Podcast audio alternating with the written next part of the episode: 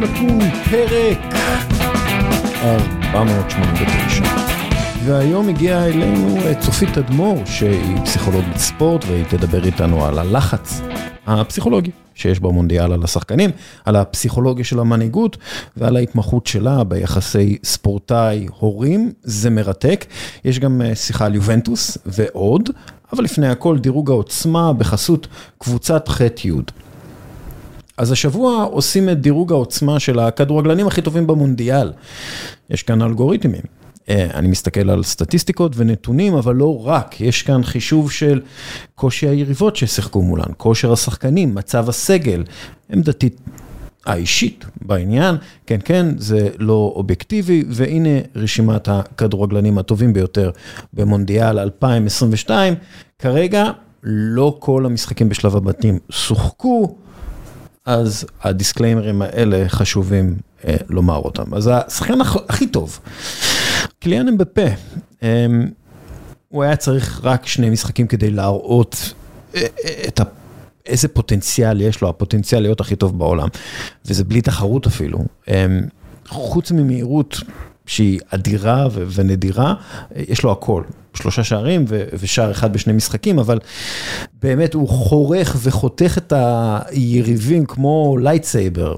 הוא באמת כדורגלן על חלל, וכיף לראות אותו כשהוא ככה, כש, כשטוב לו והוא, והוא משחק בקבוצה שמתאימה את עצמה ליכולות שלו, כיף מאוד.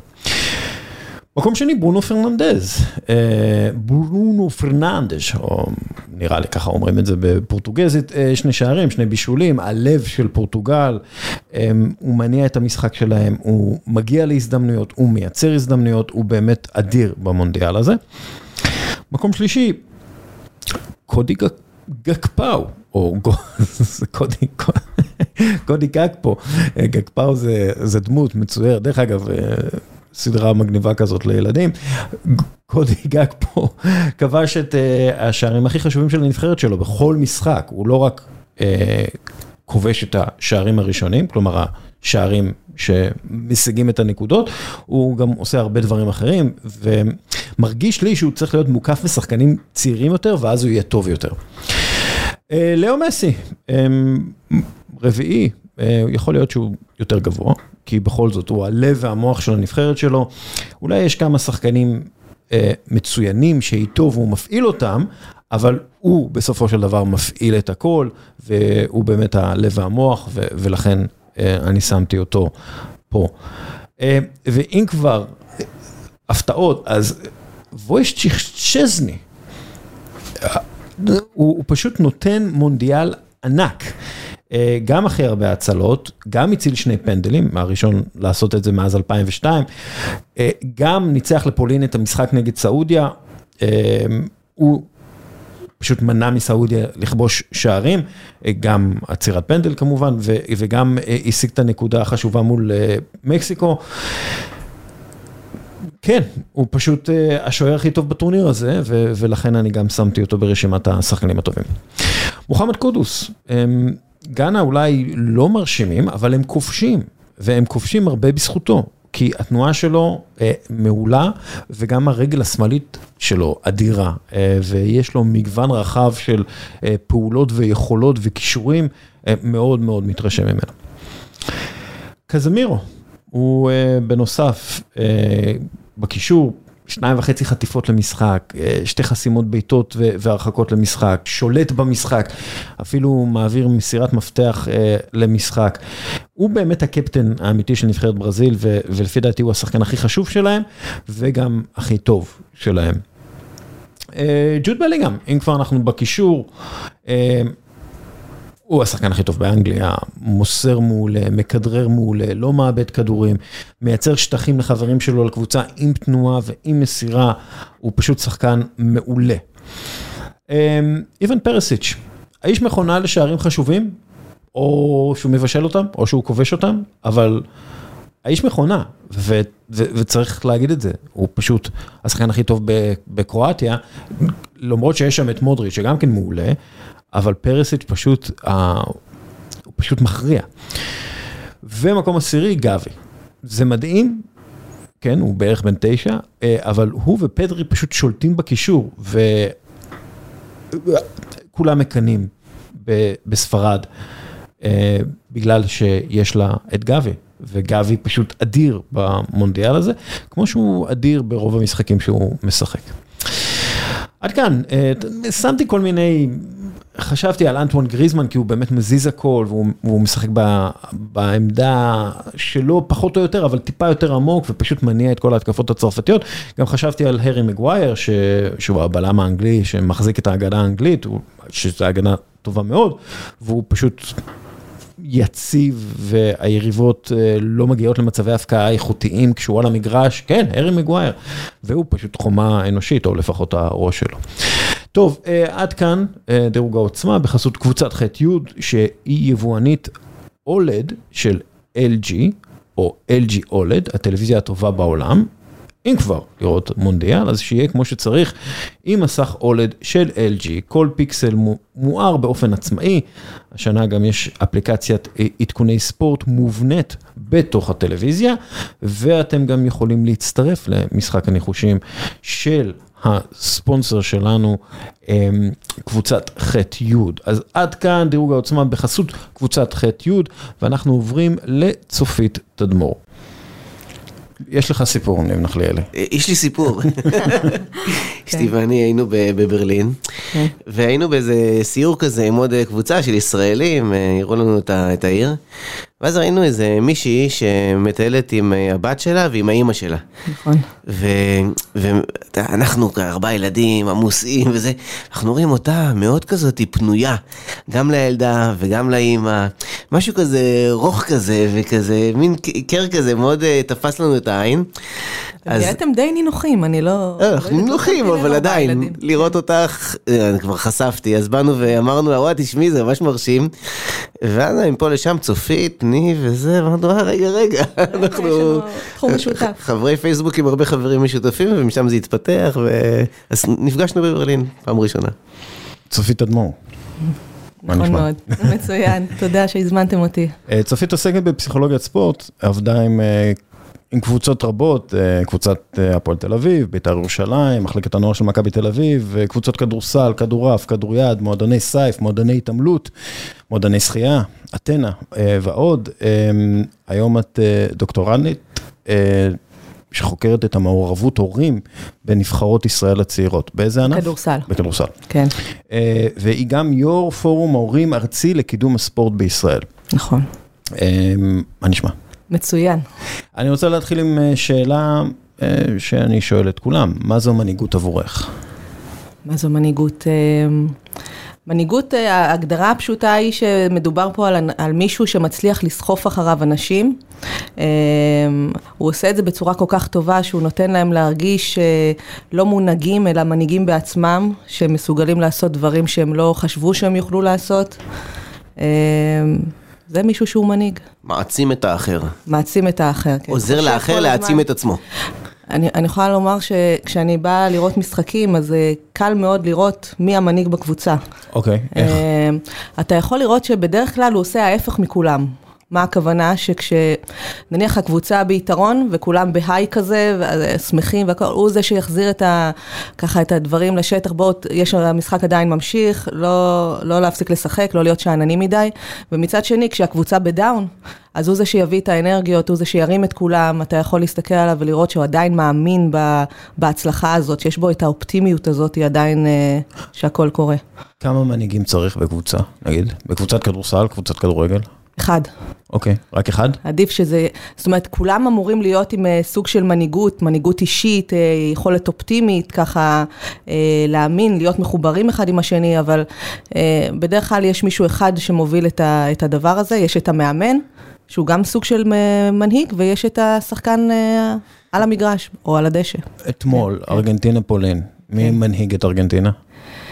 תראו, אני, אני חייבת לומר שה, שמסי, שכל העניין סביב מסי, מסי הוא מנהיג בעיניי, הוא מנהיג ש... אני, אני חושבת על הלחץ שהיה לו אתמול בפנדל, שהוא היה צריך להפקיע את, ה, את הגול הזה. עיני כל העולם נשואות אליו, אה, עננת אה, מרדונה שמרחפת מעליו, רצון שלו כל כך להביא את הגביע, אה, וכל העיניים האלה, ולעמוד בלחץ הזה זה דבר מטורף ביותר, ונכון שהוא החמיץ את הפנדל, ואולי אחר כך נדבר קצת טיפה על פנדלים, אבל... להמשיך גם אחרי פנדל, להמשיך את המשחק ועדיין להיות שם בשביל הקבוצה, זה גם כן יכולות אדירות של שחקן שלא כל אחד מצליח לעמוד בזה. אז זה, זה עמידה בלחץ, או כי הוא, הוא די מכונס בתוך עצמו. הוא לא אחד כזה שמדבר ומעודד, נכון? הוא, הוא עם עצמו יותר. תראה, אה, אה, בעבר אולי אנחנו חושבים על אה, מנהיגים, זו מילה מאוד גדולה כזאת שנקשרת לגיבורים גדולים, כמו מפקדים שצועקים בואו אחריי וכולם הולכים אחריהם, עם המון כריזמה. היום אנחנו יודעים שיש מנהיגות חדשה, מנהיגות שהיא יותר, גם יכולה להיות שקטה, מנהיג זה מישהו שהוא גם אה, לא חייב להיות, הוא יכול להיות שקט, אבל מכוח הסמכ... המקצועיות שלו, האנשים סומכים עליו, שמחים שהוא נמצא שם, זה מעורר בהם איזושהי רגיעה, איזשהו ביטחון. אה, זה משהו שנותן, זה גם סוג של מנהיגות, כן. ויש לו את זה בגדול. בכלל, מסי נראה כמו איזה ילד אבוד הרבה פעמים, הוא, סופ... הוא משהו סופרסטאר מאוד גדול, אבל אתה מסתכל עליו, אתה לפעמים אומר, וואו, מה, מה הולך לקרות עכשיו? הוא נורא שם בשביל הקבוצה. מנהיג כזה לא צריך, נגיד, את יודעת, נגיד מסי הוא הקצין, הוא לא צריך אה, רס"פ לידו, איזה מישהו לו, ש... יש אוקיי. לו, אני בטוחה שיש לו. אה, אני חושבת שדרך אגב, להיות מספר 2, של מישהו, זה גם, זה, זה דבר לא קל בכלל, וזה מצריך מיומנויות אה, גם כן לא פשוטות. ואני בטוחה שיש לו את זה בתוך הקבוצות שהוא נמצא בהן. מי, מי הרס"פ בפריז? באמת, אתה יודע, לפריז למשל, לפי דעתי יש בעיית מנהיגות קשה.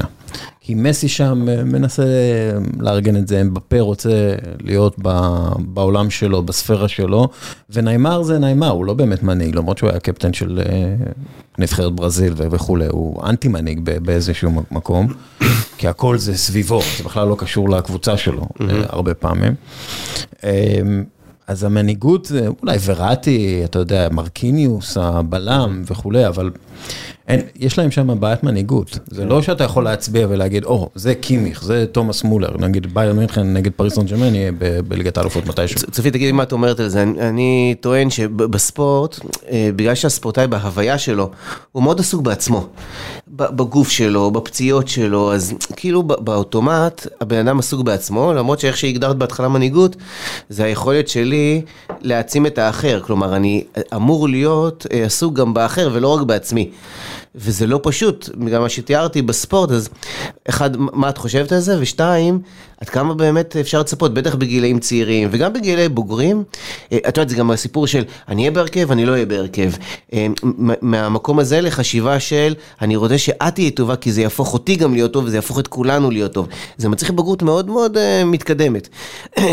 מה את חושבת על זה, וכמה באמת את באמת רואה מנהיגים אה, כן. לפי הכיוון חשיבה הזה? אה, אני חושבת שזה באמת, זה החומר הזה שהמנהיגים צריכים אה, ככה, כיוון המחשבה שלהם הוא בדיוק זה של מה אני צריך, הקבוצה היום צריכה אותי.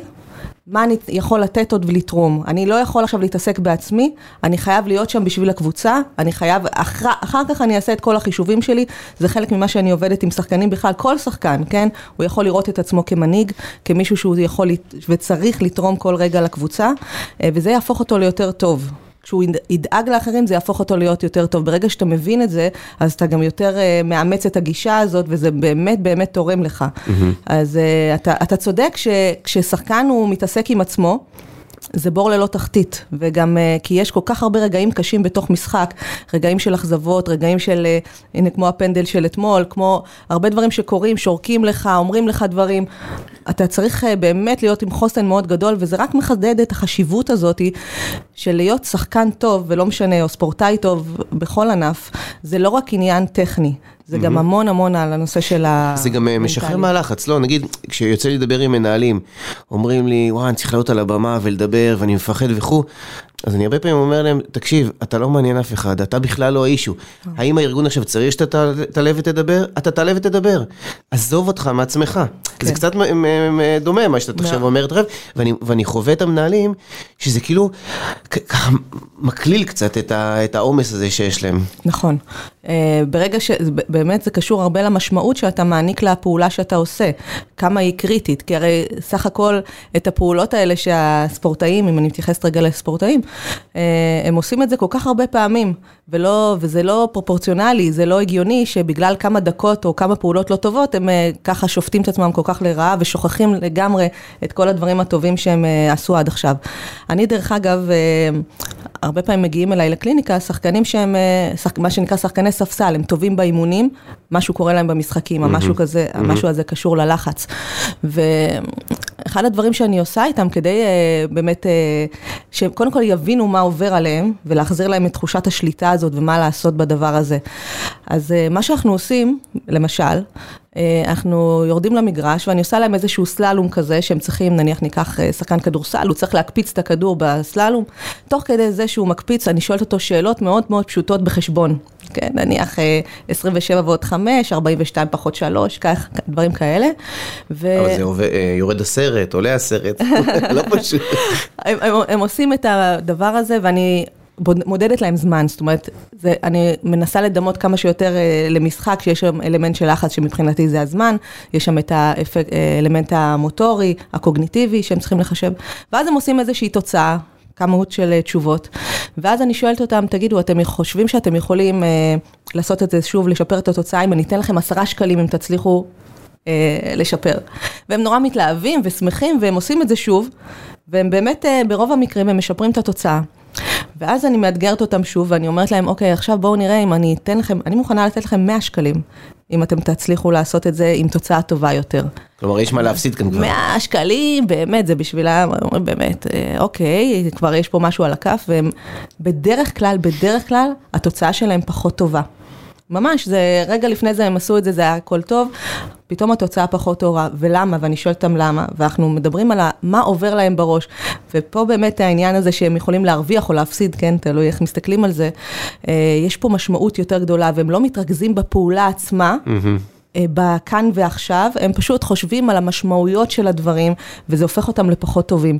ולכן מה שאתה אומר, ומה שאמרת לאותו מנהל, זה מאוד מאוד נכון. זאת אומרת, כשאתה הולך, לא משנה לאיזה משחק, גם ג'ון וודן, המאמן האגדי, כן, הוא היה אומר לשחקנים שלו. אוריאל אוהב אותו. הוא היה אומר לשחקנים שלו, תחשבו שזה עוד אימון, תחשבו, אל תסתכלו בכלל על השעון, אל תסתכלו על התוצאות.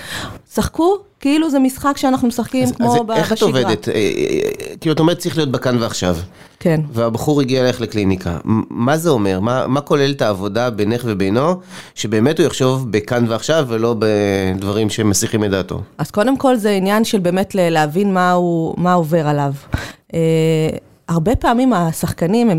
השחקנים הם חכמים והם מאוד ביקורתיים עם עצמם, הם יודעים מתי הם טובים, מתי הם לא טובים, והם גם יודעים כמונו, כן, אנחנו הרבה פעמים יודעים שאנחנו צריכים לשפר דברים, אבל תכלס, אנחנו לא מצליחים לעשות את זה, לא בגלל שאנחנו לא יודעים, אלא בגלל שיש פה דברים שהם רגשיים, שהם יותר עמוקים, שהם מונעים מאיתנו לעשות את הדברים. ואני פשוט מנסה קודם כל לבדוק את המקום הזה שלהם, איך הם מרגישים בתוך, ה, בתוך הסיטואציה הזאת, ולאפשר להם איזושהי מחשבה, לאמץ מחשבה חיובית על עצמם, לספר לעצמם סיפור אחר ממה שהם רגילים לספר, כן? לא איזה חלש אני, אני לא, לא קלה איתו, אני לא יודע, השחקן השני יותר חזק ממני, יותר אגרסיבי ממני, לא זה, אלא תספר לעצמך סיפור טוב. אני משתמשת במנטרות, כן? שהם אומרים את זה הרבה לעצמם, מחשבות טובות. אני כדורסלן, יש לי כלייה מעולה, אני מוכיח את עצמי באימונים. במשחק היד רועדת וזה לא עובד, אז, אז מנטרה זה לפני שאני משחרר את הכדור, אני אומר, זה נכנס. זה, זה, זאת מנטרה? תוך כדי המשחק? המנטרה זה לא, זה לא יעזור לך שתגיד את זה רק רגע לפני שאתה נכנס, כי את, זה לא מספיק mm-hmm. שתאמין בזה. אתה צריך באמת לש, לעשות לך לעצמך שטיפת מוח, אה, כדי להאמין באמת בדברים שאתה עושה, וזה כמובן מגובה בהרבה עבודה קשה, בהרבה השקעה, זה לא רק דיבורים. ו- ואם אנחנו חוזרים לעניין של המנהיגות. מנהיגות זה קישור גם כן, כלומר זה גם כן סוג של סט של קישורים, שאתה יכול לאסוף, או שאתה נולד עם זה, או כן, כן או כן. גדלת ככה, זה תלוי. אני, אני רוצה להגיד לך בקשר, אני קוטעת אותך את שנייה, ואני יכולה לספר, אני לא יכולה לחשוף שמות של שחקנים שאני עובדת איתם, אבל אני יכולה לומר ששחקן שנניח, שחקן כדורגל מאוד מפורסם היום, אה, שכולם מכירים, אה, אני עבדתי איתו בתחילת דרכו, אני ראיתי אותו בחדר ההלבשה, הוא היה אז שחקן ממש, שחקן ספסל הוא היה, לא שיחק הרבה. היה מאוד שקט בחדר ההלבשה, לא דומיננטי, בלי אמירה מיוחדת, ככל שה...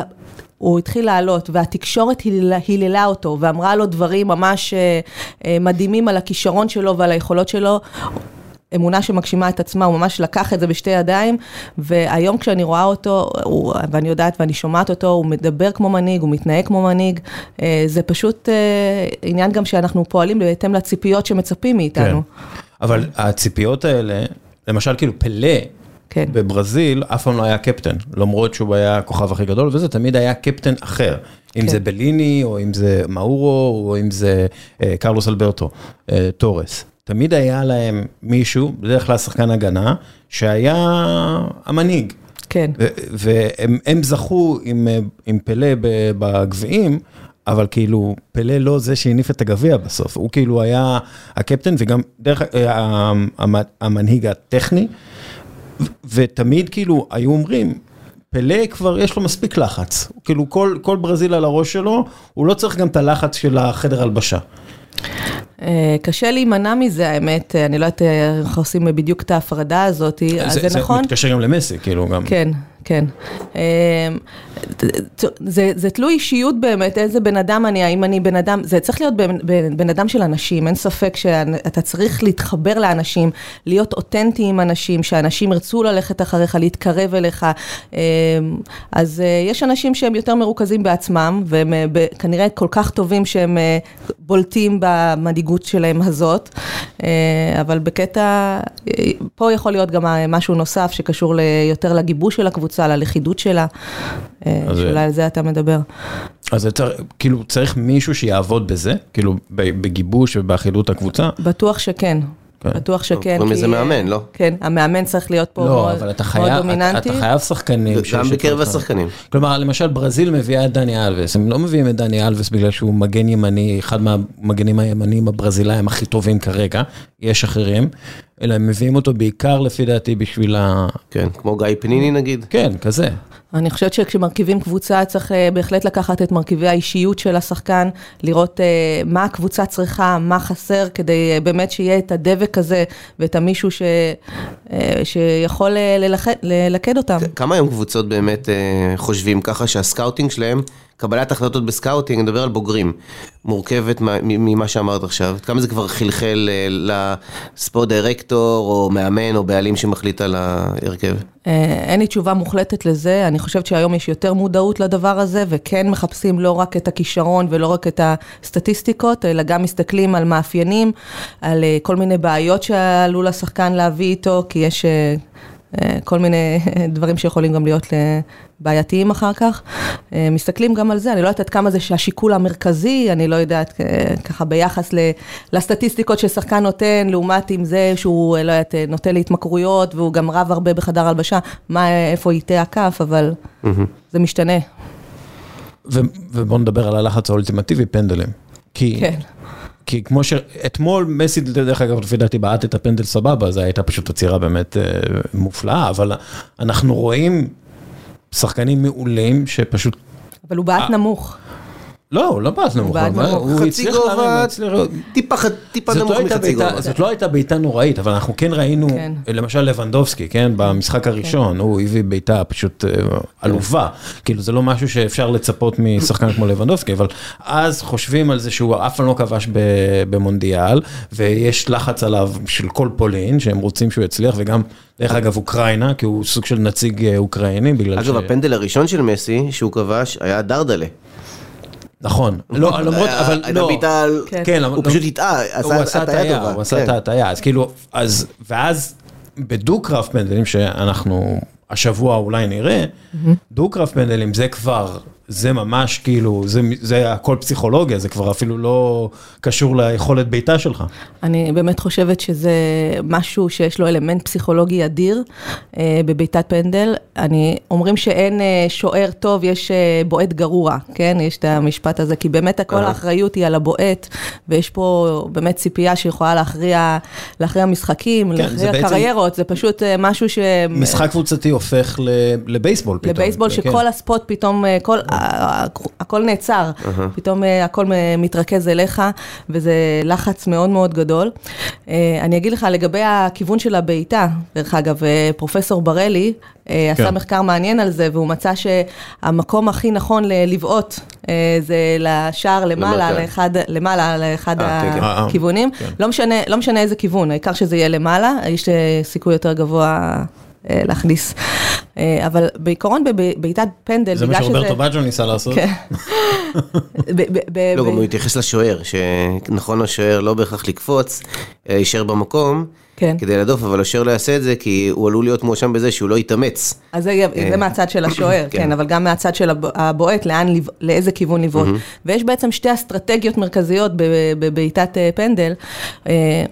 מה אתה, או שאתה תחליט מראש לאן אתה הולך אה, לבעוט, לא משנה מה השוער עושה, מה הוא, איפה הוא עומד, או אה, שאתה ככה עוקב אחרי מה שהשוער עושה, ואתה מנסה ככה לצפות אה, לאן זה ילך, ו, ולפי, אחרי התנועה הראשונה של השוער, אז אתה בועט. אנחנו- מדהים אותי, אם זה באמת קורה, זה וואו. לא, לא, זה, זה, זה בעייתי, אבל יש- הסטט, הסטטיסטיקה אומרת שעדיף ללכת אה, לקבוע מראש? מראש. לקבוע מראש, כן. ו- ושוב, על המקום הגבוה, כמו כמה שברלי אמר. ביטחון אתה צריך כדי מטורף. לקלוט את השוער בשבריר שנייה, לשנות אגב, החלטה. והיום השוערים עושים הטעיות. בדיוק, למשל- ולמשל, למשל, תראה איזו- כן. הולך, הולך לכיוון אחד, כן. רגע לפני הזה, ואז הוא מעביר את, מעביר את כל משקל הגוף שלו לכיוון השני, כשהוא רואה כאילו שההטיה שלו עבדה, כאילו. בעצם מצאו ששחקנים שהם אה, צריכים לבעוט, הם אה, בדקו את, בתנאי מעבדה, בדקו, בדקו את, אה, את המבטים שלהם, לאן הולכות העיניים שלהם, ו... כי בעצם הריכוז שלנו נמצא איפה שהעיניים שלנו נמצאות. אז מצאו שברגע שהם עוקבים אחרי השוער, אז השוער יכול באמת להטעות אותם. בגלל זה אתה יכול לראות הרבה שוערים שקופצים כן. אה, כל הזמן, הם מנסים לבלבל, וזה משהו שעדיף לעשות מראש, ככה לה- להחליט לאן אתה הולך ולשם לבעוט, וזה נותן לך יותר שקט. אה, זה באמת מעמד מאוד מאוד מיוחד ודרמטי. ולאן כדאי להסתכל? לא על השוער? אתה צריך להתרכז ב...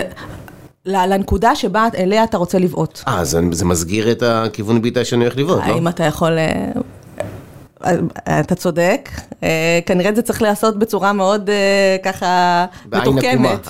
מתוחכמת, כדי שלא יצפו מראש מה, איך אתה זה. מעט לטיסיה ולוטו מטאוס הם היו בועטי פנדלים טובים, הם אמרו, תבחר את המקום שלך, כן. אל תסתכל, תבחר את המקום שלך, תבעט לשם. זה הדרך. לא עכשיו- להסס גם. כן, לא להסס, פשוט זה, תסתכל על השוער, אין, אין פה זה, straight up, הוא כבר, אה, אין מה לעשות. אה, זה, אתה, המרחק לא כזה, לא כזה גדול, כלומר, השוע, אם אתה בועט טוב, השוער לא יכול לתפוס את זה, כמה שהוא גדול וכמה שהוא חזק וכמה שהוא אתלט, הוא לא יכול לתפוס את זה. מעניין אה, מתמטי פשוט. אבל נגיד הלחץ. מסי ב- בטח תחת הרבה יותר לחץ. ואיזה יופי כשהוא- שעודדו אותו אחר כך. כן. ש- ש- מדהים. כשהוא מייצג את ארגנטינה, כלומר, כן. 45 מיליון אה, תושבים ארגנטינאים על הראש שלו, אני חושב שמרטינז השוער אמר משהו על זה, שהוא הלך לראות פסיכולוג, בגלל שהוא עשה שתי טעויות נגד סעודיה, הוא אמר, אני הייתי חייב ללכת זה, יש עלינו לחץ של 40 ומשהו מיליון ארגנטינאים. כן. בטוח יש יותר לחץ במונדיאל, פר משחק מונדיאל, מאשר בפריס סן ג'מאן, שזה עבודה, ו...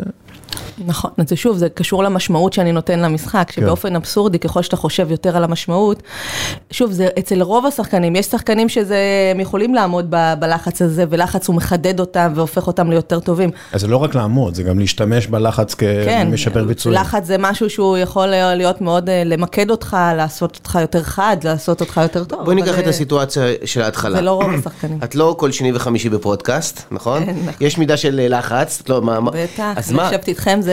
איזה- כן. איזה טכניקה. או מה עבר לך בראש, מה עשית עם עצמך? אה, מעבר לזה ששיתפת אותנו ב- ב- בדבר, כן, ואנחנו קצת צחקנו, אז זה עוד יותר הוסיף אולי ללחץ. כן. מה... אל ת- אל תעשה שאנחנו... זה- אל לא, תגזים, אבל גם אל תגזים. זה גם לא- ניסינו להרגיע. אני לא שזה- יכולה- יכולה לספר לך על מקרה אחר, אני יכולה לספר לך מקרה אחר שהוא אולי גם קצת יקשור לדברים שככה אה, בוערים בי. אני- בגיל, אה, כשהייתי צעירה מאוד, בגיל 17, השתתפתי בתחרויות אתלטיקה. ושם, אה, באחת התחרויות, אני זוכרת את עצמי כספורטאית, יורדת ככה לאצטדיון, מסתכלת על היריבות שלי, ואני מתחילה להרגיש כאילו הניחו לי משקולות על הרגליים. אני מרגישה ממש שאני לא יכולה לרוץ, מה אני אעשה, איזה... לא יודעת מה לעשות. אז אה, בתקופה הזאת לא היו פלאפונים אפילו, שהיו למעט, אני לא יודעת, אני לא ידעתי מה לעשות, אמרתי, אני חייבת לדבר עם מישהו שיעודד אותי. כן, חיפשתי עידוד, חיפשתי איזושהי תמיכה, ורצתי והתקשרתי אה, הביתה. ואימא שלי ענתה לי, וזו הייתה שיחה של שתי דקות, משהו כזה, ובשיחה הזאת, אמא שלך זאתי מברלין? זאת מברלין, בדיוק, אתה מכיר אותה, הנחמדה הזאת, היא, היא הייתה שם והיא אמרה לי כל מיני, שיחה של שתי דקות, שכנראה היא אמרה דברים מאוד בנאליים, אה, כמו של אה, הכל יהיה בסדר, אה, מקסימום תצליחי, כן, אה, אנחנו אוהבים אותך בכל מקרה, תיזכרי בתחרויות שכבר הצלחת, שהיה לי מאוד קשה באותו רגע לזכור, בדבר, להיזכר בדברים טובים, אבל היא אמרה לי, הזכירה לי כל מיני דברים טובים, ופשוט... אה, אחרי השיחה איתה, אני ממש הרגשתי שהמשקולות ירדו מהרגליים, רצתי חזרה והשתתפתי בתחרות, לא שזכיתי באיזה משהו, אבל לפחות הרגשתי שהשתתפתי. ואז הבנתי, אז כבר בגיל 17, כמה דברים. קודם כל הבנתי שיש קשר מאוד גדול בין הגוף לנפש, שהגוף מאותת לנו אה, כשמשהו, שאתה מרגיש לחץ מאוד גדול, וזה חלק מהעבודה עם הספורטאים, שהם יזהו בעצמם את הלחץ, זה שאני הולך הרבה לשירותים, זה שכואבות לי, לי הרגליים, שהראש, שזה, יש לזה קשר ואתה צריך ללמוד להרגיע את עצמך. זה דבר אחד. דבר שני, איזה כוח יש למחשבות. מה אני אומרת לעצמי, אם אני מלחיצה את עצמי, או שאני מדברת לעצמי דברים טובים, וכמובן על ההשפעה האדירה שיש לאימא שלי, אפילו עד היום, כן. אז, אה, אז בואי נדבר, כי אני מאמין שהאוריג'ין סטורי של, של כל ספורטאי, ובעצם כל אחד, זה, זה הקשר עם ההורים, כן. אה, לטוב או לרע, אם הם היו שם או לא היו שם, מה שאתה זה מה שהקשר שלך עם ההורים שלך בעצם, ו, וגם אצל ספורטאים זה מאוד אה, חזק. אני, אני לא חושבת שנתקלתי בכל השנים שאני עובדת אה, באיזשהו ספורטאי או ספורטאית שלא היה מישהו דומיננטי שליווה אותו, ובדרך כלל זה ההורה. בדרך כלל זה ההורה. זאת אומרת, יש לזה משקל מאוד מאוד גדול לדרך הליווי של ההורה את הילד שלו, והורה יכול להיות כוח הורס או כוח מניע או כוח תומך. אה, זה בדיוק אה, הנושא ש, שמעניין אותי מאוד, אה, גם כי אני הורה בעצמי. יש לי שלושה ילדים, שלושתם... הורה אה, אחד או הורה שתיים? לא, סתם, זה... אה, בדרך כלל יש חלוקה, איזושהי אסור, חלוקה. אסור כבר להגיד את זה נראה לי, לא, זה כאילו, זה או אמא או אבא, אין הורה אחד, הורה שתיים. לא משנה. היום יש יותר גמישות בתפקידים, היום עושים כן. גם וגם, אה, אצל הרבה משפחות, אבל אה, בדרך כלל יש מישהו אחד דומיננטי שמלווה, אה, וזה דבר שהוא אה, באמת אה, מאוד קריטי להצלחה של הילד, או אוקיי, לילדה. אפשר כאילו דוגמאות ממשהו שאת מכירה? אמ, יש, יש המון דוגמאות, קודם כל אני רוצה לדבר על הנושא של מעורבות הורים. כן. בסדר? מעורבות הורים הולכת על איזושהי ציר רצף שבין חוסר מעורבות למעורבות יתר. מה זה חוסר מעורבות? חוסר מעורבות זה הורה שבכלל לא מגיע למשחקים, לא מגיע, לא שואל את הילד שלו, חוזר מאימון, לא איך היה לך, אה, לא מתעניין קצת יותר אה, מעבר לבסדר או לא בסדר, אה, כי הוא לא מאמין בילד שלו, כי הוא חושב שזה סוג של חוג, ולא מבין את המשמעות הגדולה שיש לזה אגב, צופית, לילד. אתמול הייתה לי שיחה מעניינת בנושא כן, הזה עם כן. סטודנט, הוא מגיע מענף הכדוריד, כן. אז זה לא משנה, אני חושב, הענף, והוא אומר, תשמע, זה קטע. כן. ה- כשזה בנים, ההורים הרבה יותר מעורבים. כשזה בנות משחקות, כן. בכדור... הרבה פחות. נכון, כי הם אה, פשוט אה, הורים שמלווים בנים, הם אה, כבר חושבים על הקריירה, על הכסף הגדול, על. הפוטנציאל. לא משנה, לא משנה, הם, אה, כאילו זה מתאים שהם יעסקו בספורט, וזה מאוד ככה סטריאוטיפי על העניין הזה. בנות, יש המון חששות, אה, לפעמים עושים את זה בשביל שתעשה ספורט, זה לא, פחות חלומות, פחות אה, ציפיות מ- להצליח, יותר העיקר שתשתתף. לצערי, אני אומרת את זה. אמ, אז הורים כאלה שפחות מעורבים, הם בעצם אה, משדרים לילד שהם לא מאמינים בו, וזה כמובן לא, לא, לא תורם לילד. מצד שני, יש לי את ההורים המעורבים, מעורבות יתר, שהם בעצם... עושים הכל יותר מדי, כן? הם אה, לא עושים נפרדות בין מה שקורה לילד לבין מה שקורה להם, ולכן הם מאוד מעורבים רגשית בכל הדבר הזה. הם לוקחים מאוד קשה אה, אי הצלחות, אה, הם רבים הרבה פעמים עם המאמן, הם מעירים המון הערות, גם מקצועיות לילד שלהם, הם פועלים בצורה שבסופו של דבר פוגעת בילד שלהם, ו, וזה מסוג שני. כשבאמצע יש איזשהו טווח כזה גדול של מעורבות הורים שהיא מתונה נקרא לזה. אה, ואיך שההורה מתנהל, יש השפעה מאוד גדולה על התחושה של הילד, על היכולת שלו אה, לשמור על מוטיבציה ולהעז. דוגמה להתנהגות רעה. דוגמה. רעה. אני אתן לכם דוגמה שקרתה לי... מותר להשתמש בביטוי הזה היום? רעה, התנהגות רעה? לא מומלצת, כן. אוקיי. למה? גם זה אסור. חביבי, אנחנו בעידן... הורה אחד, הורה שתיים, רע, רע. אני אתן לכם דוגמה לממש משהו שקרה לי השבוע, שהלכתי ללוות כשאני עובדת עם שחקן, אני בדרך כלל נוהגת לבוא לראות לפחות אה, משחק. אה, משחק אחד של איך הוא משחק. הרבה פעמים התשובות אה, ניתנות לי תוך כדי צפייה ב, במשחק שלו. כי את צופה בהורה. אני גם, אני יושבת ליד ההורה לפעמים, כשישבתי ליד אותו הורה, זה, הגיע אליי שחקן בן 16, שלא מקבל, אה, העונה לא התחילה לו כל כך טוב, הוא לא מקבל דקות, הוא מתוסכל, אה, הוא עצוב, ההורים שלו עצובים, אני באתי למשחק, ישבתי ליד ההורה, אני, קודם כל, סוג של מתח כזה נורא גדול, אני מרגישה את הכאב ואת הלחץ של ההורה, אה, שיושב ומסתכל, ומחליפים מבטים כל הזמן, ההורה והילד מחליפים מבטים ביניהם, הילד יושב על הספסל, עוד לא פותח, אני מדברת עכשיו על כדורסל. והנה מגיע הרגע הנכסף שבו המאמן קורא לו לעלות, ואז הוא עולה, ואני רואה שהוא משחק ממש ממש ממש לא טוב, מאוד מבולבל, מאבד כדורים.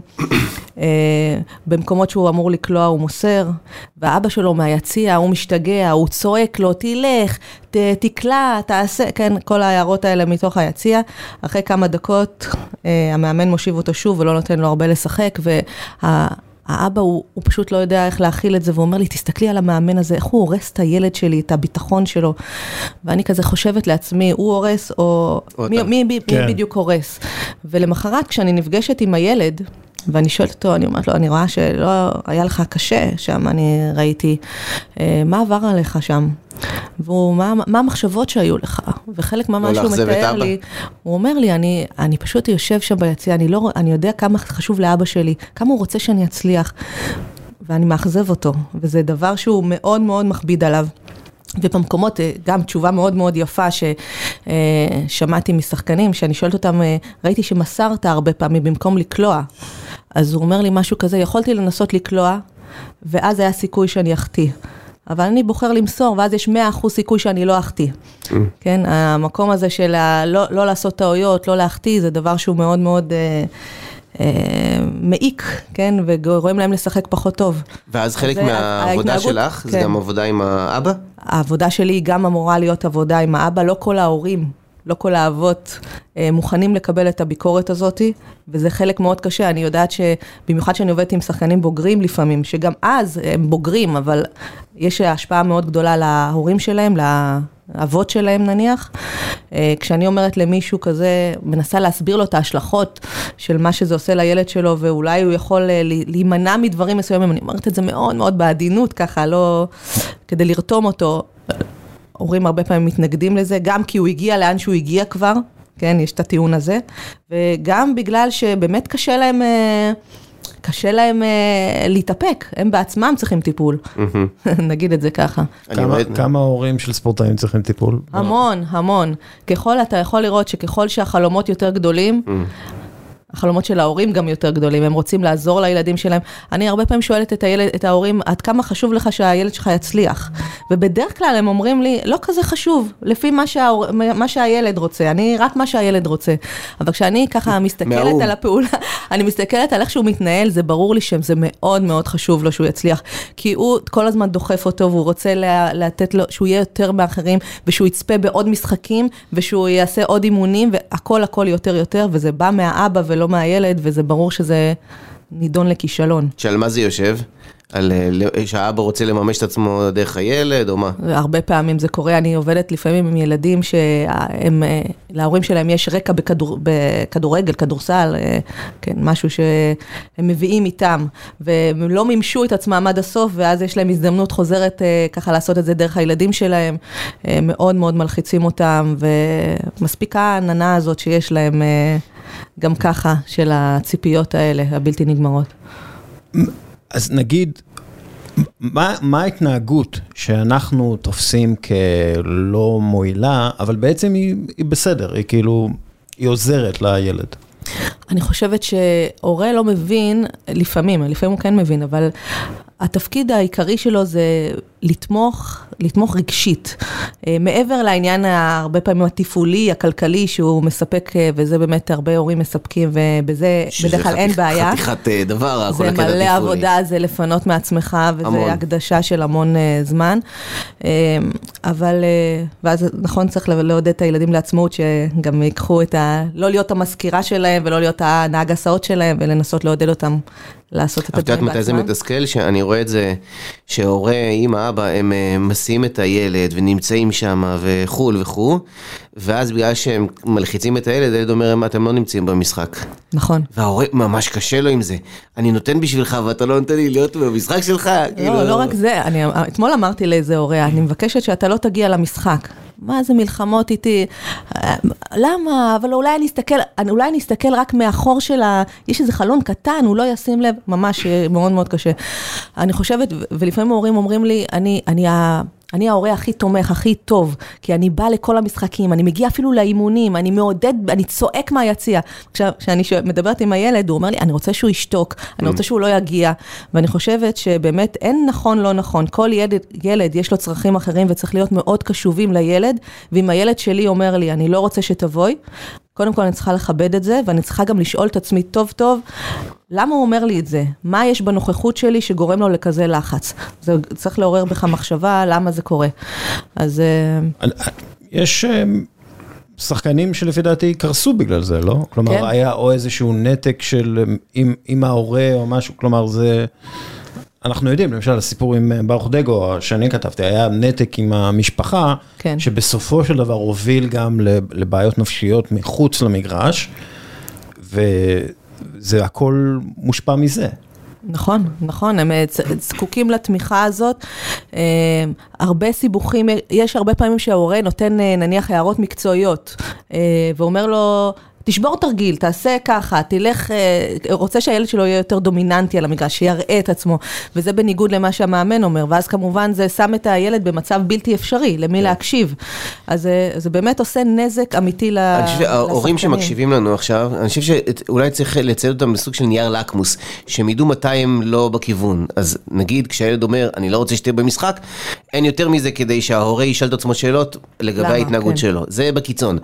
אני גם חווה, אני רואה את זה בבדמינטון, גם בטניס, כן. שיותר, מה שאמרתי לפני כן, המון מבטים שהילד מסתכל על ההורה אחרי כל נקודה, זה, אני חושב, נהיה לקמוס מאוד טוב להורה להבין שמשהו כאן קצת מעורבות יתר, משהו כאן צריך להיות יותר מאוזן, אני חושב שזה מאוד יכול לעזור להורה להבין שהוא במקום לא, לא נכון. אני מסכימה איתך, אני חושבת שבעצם, מה זה המבט הזה להורה? המבט הזה זה כדי לראות, גם כדי לראות כמה ההורה מאוכזב או לא מאוכזב, וגם כדי לקבל אישור. כן, לפעמים זה על כל פעולה, הוא מסתכל כדי לקבל אישור אם זה היה בסדר או לא בסדר. וזה אומר גם שהוא לא סומך על עצמו, mm-hmm. השחקן לא סומך על עצמו, על הקבלת החלטות שלו. ואני חושבת שבאמת כל המשחקים אה, האלה, כדורגל, כדורסל, אה, אה, זה, זה משחקים של קבלת החלטות. והפלטפורמה הזאת של הספורט היא נושקת גם לחיים הרי. וככל שאנחנו נעודד את הילדים שלנו, אנחנו כהורים, לקבל החלטות, להיות עצמאים, לשאת בהשלכות של מה שהם עושים, ככל שהם יתנסו בזה יותר בחיים שלהם, שלהם, הם גם יהיו יותר שחקנים וספורטאים יותר טובים. יכול להיות שכשהורה, יכול להיות שאיפשהו באיזשהו מקום, יש שחקנים שבלי ההורה הדוחף והמגעיל אפילו באיזשהו מקום, הם לא היו איפה שהם היו. אמרת בוזגלו או ש... לא, לא, דווקא לא בוזגלו, דווקא תיארי אנרי. תיארי אנרי היה מספר שהוא היה אחרי משחקים, אבא שלו היה כדורגלן גם, ברמה נמוכה, אחרי משחקים הוא היה נוסע, ואבא שלו היה אומר לו, כאילו הוא היה יכול לכבוש שישייה, ואבא שלו היה אומר לו, תקשיב, אתה איבדת איזה ארבעה כדורים שהיית צריך להפוך אותם לשער או לבישול, מה זה. והוא, תיארי אנרי מתאר את זה כי... כמשהו שהכעיס אותו ועצבן אותו, אבל זה בעצם מיקד אותו והפך אותו ליותר טוב, והוא הסתכל על עצמו בצורה ביקורתית מאוד וכולי. עכשיו שוב, אני לא יודע כמה זה בריא נפשית, כן, אני לא יודע כמה תיארי אנרי ואבא שלו, כמה הקשר שלהם טוב, ואני יודע שהיה שם נתק. תמיד הוא הזין אותו לשלילה או גם לחיוב? תמיד זה שלילה היה. עכשיו, גם, אתה יודע, גם למשל אומרים על מייקל ג'ורדן, שהוא כל הזמן חיפש את ה... את, את, את האבא שלו, הוא כל הזמן רצה לספק ו, ו, ולהפוך את אבא שלו לשמח, כי אבא שלו אהב יותר את לארי ג'ון, את לארי, את, את, את אח שלו. וכאילו, הוא כל הזמן, זה היה המוטיבציה שלו באיזשהו מקום, אז כאילו... כאילו גם, גם הורים מאוד מאוד פושים ומאוד מאוד, נגיד, מנותקים, יכולים לעשות משהו טוב לספורט באיזשהו מקום. תראה, אני, אני אגיד לך ש... תמיד האנשים הם יצורים מורכבים, הכל נורא מורכב ואין תשובה מוחלטת. בגלל זה יש לך עבודה. נהדר. אם זה היה פשוט. לא, גם תמיד הטוב הוא גם הרע. הטוב הוא גם הרע. כן. זאת אומרת שאפשר להפיק מהטוב את הרע ומהרע את הטוב, כן?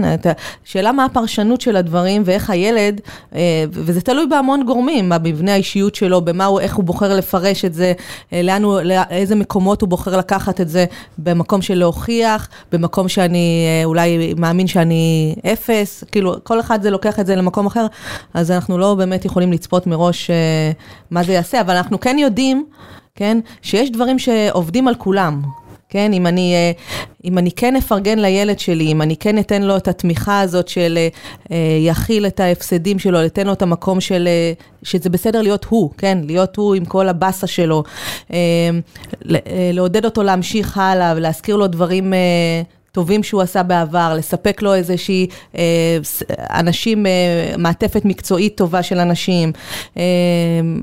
הדברים האלה, אם אנחנו נעשה אותם, אז כנראה שזה כן יעזור להם להתפתח טוב יותר.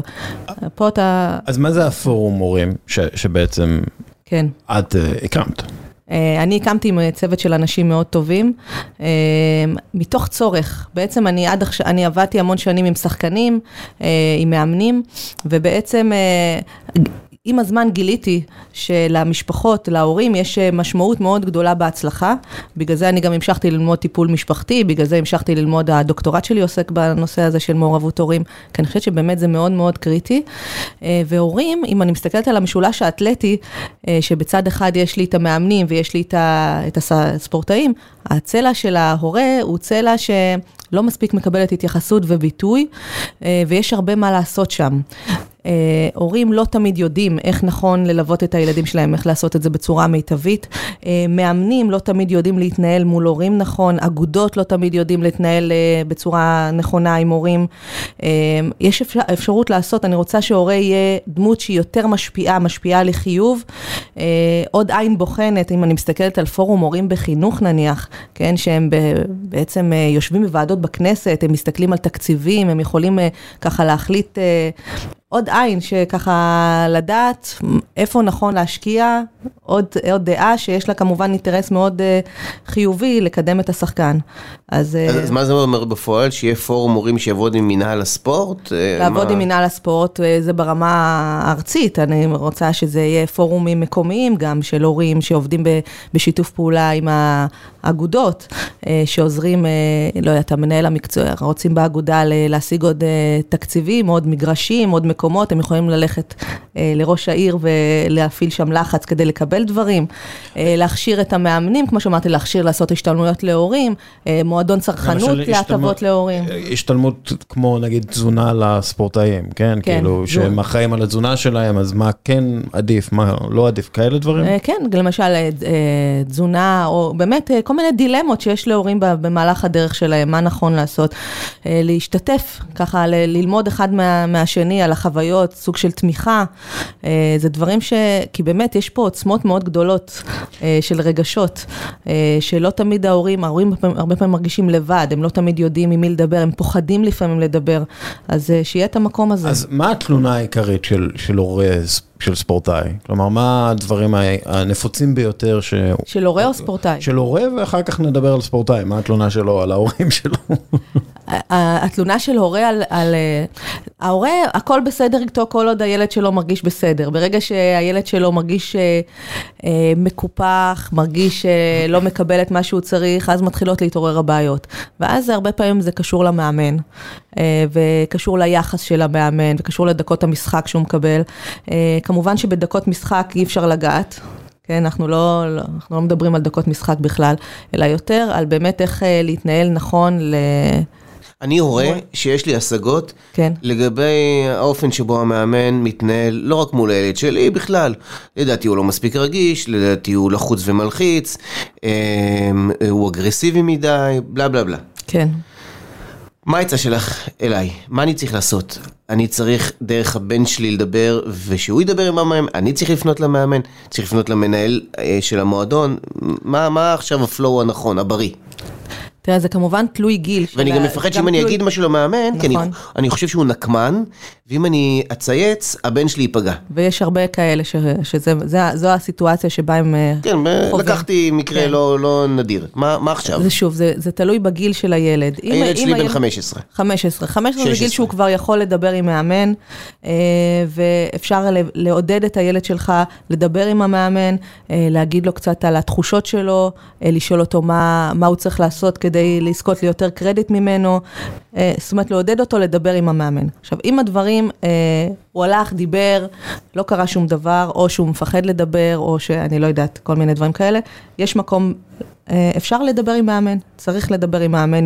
אני שוב אומרת, יש, יש דברים שהם, אה, נקרא לזה משברים אקוטיים לילד, שדברים שלא יודעת, אכזבות קטנות, אה, הפסדתי במשחק, עשיתי איזו פעולה לא טובה, מאמן העיר לי איזושהי הערה, לקחתי את זה ללב. זה דברים שחולפים מעצמם, לא צריך לעשות מזה סיפור, אפשר לעבור הלאה. מתי צריך כבר, כשאתה רואה שהדברים, שזה דפוס חוזר, שזה משהו מתמשך, ושהילד שלי מרגיש תחושה של חוסר אונים, חוסר שליטה, לא נהנה, כן, אני לא דיברנו על מרכיב ההנאה, כמה הוא חשוב אה, לספורטאי. אה, כשאני רואה שזה כבר ככה, ובכל זאת ניסיתי, הילד שלי ניסה לדבר ולא קרה שום דבר, אני יכול לנסות לדבר בעצמי עם המאמן, לשתף אותו בחוויה של הילד, אה, ככה בסך הכל יש להם אותו אינטרס להצמיח שחקנים שיועילו לקבוצה. אז לנסות ככה, ואם זה לא עובד, אני אומרת שוב, גם לא להשאיר דברים בבטן, אה, אפשר לשתף, אה, אם יש פסיכולוג או איש מקצוע כזה במועדון, לפנות אליו, למנהל המקצועי לפנות, לדבר, לדבר. אה, ומה ספורטאים? מה התלונה העיקרית? שוב, בסוף זה מתנקז לדקות משחק. לא, אבל כאילו, מה ההתנהגות הורית שספורטאים, על כן, כן. שספורטאים לא יכולים, את יודעת, שההתנהגות ההורית הכי גרועה לספורטאי. שוב, זה נורא משתנה, יש מישהו שבאמת צמא לאיזה תשומת לב של ה... מה הנפוץ ביותר? הנפוץ ביותר זה שהם מעירים יותר מדי הערות מקצועיות. Okay. אוקיי. למה לא חדרת? למה אתה לא יותר, יותר אגרסיבי בזה? אה, אתה כל הזמן מוסר. זה דברים שהם נורא מעצבנים. אה, לא נעים לשמוע אותם, בדרך כלל גם זה נעשה... פשוט ההורה, לא להגיד. בדרך כלל זה, זה, זה גם קורה מיד אחרי המשחק, בדרך הביתה, באוטו. גם אחרי יומיים את אומרת לא לדבר על זה? נגיד וההורה מבין את לא, המשחק, הוא מבין כדורסל. אני לא אמרתי לא לדבר על זה, דרך אגב. לא okay. אמרתי אוקיי. לא לדבר על זה. אבל מה? השאלה איך לדבר על זה. זאת אומרת, אה, לתת ל, לילד, מי שצריך הכי הרבה לדבר בשיחה הזאת זה, זה הילד, זה לא אתה. קודם כל תזכור את זה, ואתה מין סוג של שואל שאלות. אתה סוג של, ואיזה שאלות? שאלות יותר שקשורות לחוויה. אה, איך היה לך? ממה... בוא, בוא תספר לי איך חווית את זה, כאילו, מה, מה היה שם. ואז הילד בעצמו מדבר על מה שהוא חווה, והוא אומר דברים ככה או ככה. עכשיו, גם אם אתה רואה דברים, צריך להשתדל כמה שפחות להעיר. כן? בסופו של דבר, אני חוזרת למה שאמרנו מקודם, שחקן יהיה טוב ברגע שהוא ירגיש שמאמינים בו ברגע שיהיה, שהוא מרגיש ככה תחושה של מסוגלות עצמית. ואנחנו צריכים לשאול את עצמנו כהורים, פשוט אחרי שיחה, כל שיחה שאני עושה עם הילד שלי, האם אחרי השיחה הזאת הוא מרגיש יותר טוב, בניתי אותו או הרסתי אותו? איזה תחושה הוא יוצא מהשיחה? הילד שלי משחק לרוחב, מטריף אותי. כן. הוא לא, אין לו עומק בגלל שהוא מפחד אה, לקחת סיכונים. כן. שאלתי אותו איך היה לך, זה מסתכם במשפטים של אה, בסדר, עזוב אותי, כזה מין. עזוב אותי. מה, מה עכשיו הורה נכון שיעשה? תראו, שאלתי אם- שאלות, לא, זה מאוד לא קשור מתניע. גם באמת בקשר של הורי-ילד, יש הורים, ש... ילדים שמאוד נוטים לשתף, יש כאלה שבכלל לא משתפים, ובכל זאת, אם אתה רואה, אם אתה שם לב, ואתה כהורה צריך לשים לב למה שעובר על הילד שלך, אם אתה רואה שהוא בדיכאון מזה, אם אתה רואה שהוא לא מצליח אה, לאורך זמן, וזה מאוד מתסכל אותו, אז תציע לו עזרה מקצועית, אם הוא לא מדבר. אה, לא פותח את הדברים, כן תציע לו עזרה מקצועית, ואז אולי שם הוא יפתח, כי, כי זה הרבה פעמים מה שקורה בתוך טיפולים. אני פעם קיבלתי טיפ, אה, איך לדבר עם הילד אחרי הגן. שכאילו הילד שואל אותו איך היה, היה כיף. היה כיף. אז כאילו לא, לא לשאול אותו איך היה, אלא לשאול, תגיד, מה אכלת בארוחת צהריים? או כן, תגיד, ליד מי, ספציפיות. כן, ליד מי ישבת בזה, או מי סיפר לך משהו מצחיק היום. כן. ואז כאילו, הוא נפתח יותר וכאילו מדבר, כי הוא, כי הוא צריך לספר סיפור פתאום, ואז פתאום אתה, מבין- מהסיפור אתה מבין מה... WH questions. דרך אגב, כן. במקום ל- להגיד ל- לילד שלך, כי אתה, אתה נורא רוצה להגיד לו, כן? למה הוא לא עשה ככה ולמה הוא לא עשה ככה, במקום להגיד למה לא, אתה, אתה יכול להגיד, אני מאוד נהנה לראות אותך קולע. אני מאוד נהנה לראות אותך עושה הגנה כזאת בלתי מתפשרת. אני מאוד נהנה לראות, זאת אומרת, להגיד מה אני, נהנה, מה אני כן, לא מה אני לא. וכשאתה מדבר על מה אני אוהב או מה אני נהנה, אז ה... היכולת הקשבה של הבן שלך תגדל כלפיך. על מה המחקר שלך? על המעורבות, בעצם על הקשר הזה אה, שבין מאמן, הורה, ספורטאי, איך המעורבות של ההורים אה, משפיעה על כל אחד מהגורמים האלה, מה זה מוציא ממנו, ואיך זה משפיע בסופו של דבר על, ה, על ההישגים של אנחנו, הספורטאי. אנחנו, תאמיני או לא, אנחנו 48 דקות בהקלטה מה כבר. אתה אומר? ואנחנו עוד מעט צריכים לסיים. אז- מהר. אז שאלה, בואי כן. תפרטי כאילו על מה שעכשיו אמרת, על ה... כלומר, איזה דברים, למשל, את חוקרת? אה, כאילו מה, מה השאלת מחקר, מה השערות מחקר, מה, כאילו להבין את הכיוון של זה. אה, אני רוצה לדעת מה, קודם כל אני רוצה שיתארו לי קצת את המעורבות של ההורים, אני דרך אגב עושה השוואה בין נבחרות ישראל לבין הקבוצות, ה- קבוצות האם שלהם. אז אה, בעצם האם יש הבדלים, למה קורים ההבדלים, אה, האם זה שנניח יש קשר טוב אה, מאמן אה, ספורטאי, זה משפיע על המעורבות של ההורה או לא? כן? האם ניסיון קודם של אה, הורה בספורט, אה, איך זה משפיע על הילד שלו? אה, ההבדל בין אימהות ל- לאבות בליווי שלהם. זה איכותני או כמותי? איכותני. אה, אוקיי. כן, כן. זה רעיונות עומק. כן, כן. אה, אז זה מאוד מאוד מעניין. אה, ויש כבר, אה, איפה את אני עכשיו, באיזה אני שלב? Mm. כמעט סיימתי את כל הרעיונות, אה, באמת את כל שכבות הגיל נגעתי בהם, לא וגם יהיה את כל. המאמנים, עוד לא לא הגעתי לעיבוד, אבל יש דברים ככה שיוצאים, אה, אה, דברים שחוזרים על עצמם, כן, שוב, בעניין הזה של ההערות, בעניין הזה של הקשר עם המאמן. דוגמה לראיון שהיה לך, כן. שאחר כך תפסת את הראש. שתפסתי את הראש, האמת זה דברים שהם כאילו צפויים קצת, הם קצת צפויים, אה, אין בעיה עם... אה, כן, זה- איזה דברים צפויים היו? אה, אני אומרת שכשיש קשר טוב בין ספורטאי למאמן, כשיש קשר טוב בין ספורטאי להורה, אז uh, בעצם כל הקשר הוא יותר טוב, יש פחות לחץ וה, והספורטאי בסופו של דבר מתפקד יותר טוב, מאשר שיש נתק ושיש, uh, אסור לדבר ולא משתפים, בעצם לא משתפים באינפורמציה, אז יש פה הפסד לכל הגורמים, זה בספורט אה, קבוצתי? קבוצתי, כן, זה בכדורסל, באיזה מסגרת? באיזה אוניברסיטה? אה, אריאל. כן. אה, אצל אילן? לא, אצל משה לוי. אה, אוקיי. יש עוד... אה, עוד- עוד- מאותה- עוד משהו שאנחנו. רוצים אה, כן, אה, לדבר עליו כאילו? כן.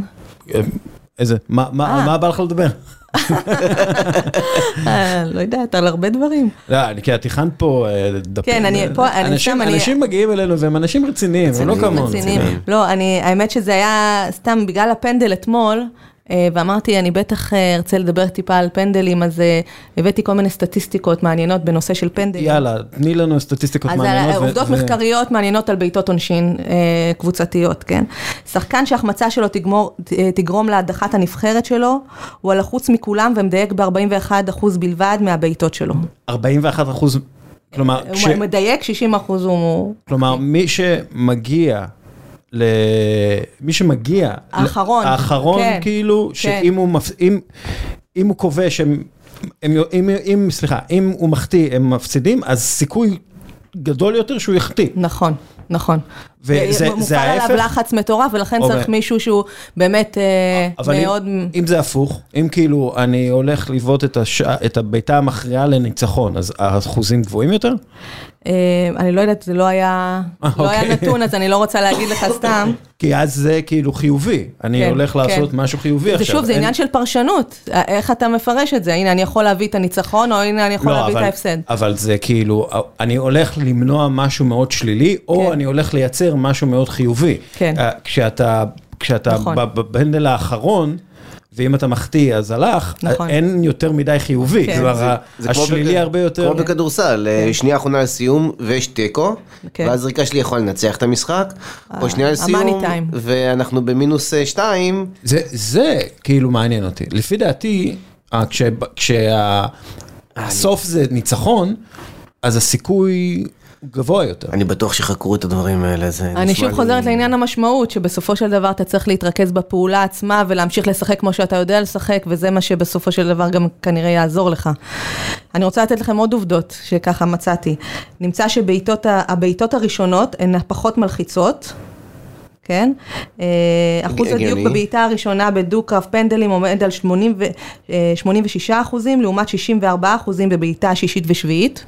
אוקיי. Okay. אה, לכן יש לתת דווקא לפנדליסטים הפחות טובים לנסות את מיומנותם בהתחלה. דווקא אומרים הפוך, שנותנים לפנדליסט הכי טוב את הראשון ואת האחרון.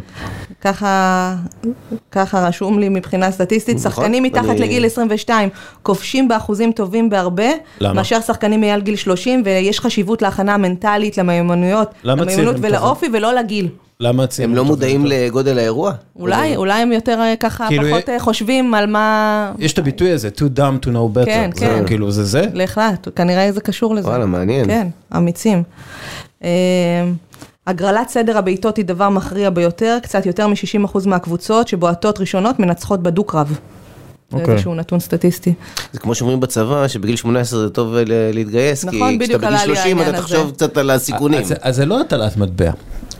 בסופו של דבר, כי הרי מה התלונה על אה, פנדלים? זה כמו הלוטו, אין סיכוי, אבל obviously זה לא כמו הלוטו, כן. זה עניין פסיכולוגי שיש להתגבר עליו, עזוב את העניין הטכני של לבעוט לחיבורים, כן. שזה עדיף תמיד, כן? זה פשוט עניין פסיכולוגי, ומי שעומד טוב יותר בפסיכולוגיה ובעומס הפסיכולוגי, כן, אבל את אומרת ממש משפט מעניין, הקודם, כן, שהניסיון בעצם עלול להיות בעוכרי הבועט. אנחנו יודעים שככל שאנחנו יודעים יותר, אז אנחנו מבינים כמה אנחנו יודעים פחות, כמה אנחנו מבינים פחות, אה, כן, בכל מקצוע שאנחנו עושים, וככל שיש לך יותר ניסיון, אתה יותר ככה חושב על המשמעויות, על המורכבות. אבל זה לא, זה לא... טוב, זו פעולה פשוטה יותר נגיד מניתוח. נגיד, אני הייתי רוצה שינתח אותי מישהו מנוסה, שראה כמה דברים, אבל אם הוא כאילו כדורגלן, אז עדיף שלא. אנחנו מדברים פה על מצב של לחץ. הוא נעשה עם הרגל, לא, לא, לא יודע, אה, אבל... לא, אבל מנתח, שמנתח קרוב משפחה, ויש כאן לחץ... אה, כן, זה אולי גם כן... אה, אני בטוחה שניסיון הוא כן עוזר. ניסיון זה משהו שהוא... הוא נות... שוב, שאלו, תלוי גם איזה ניסיון, איזה חוויה, לפעמים אנשים סוחבים כל מיני טראומות, כל מיני דברים שהם, שקרו להם והם משחזרים אותם תוך כדי אירוע. כן. אז זה, שוב, זה הטוב הוא גם הרע. טוב, אה, אה, הגענו לסוף. אה, שתי שאלות אחרונות, המלצה על ספר.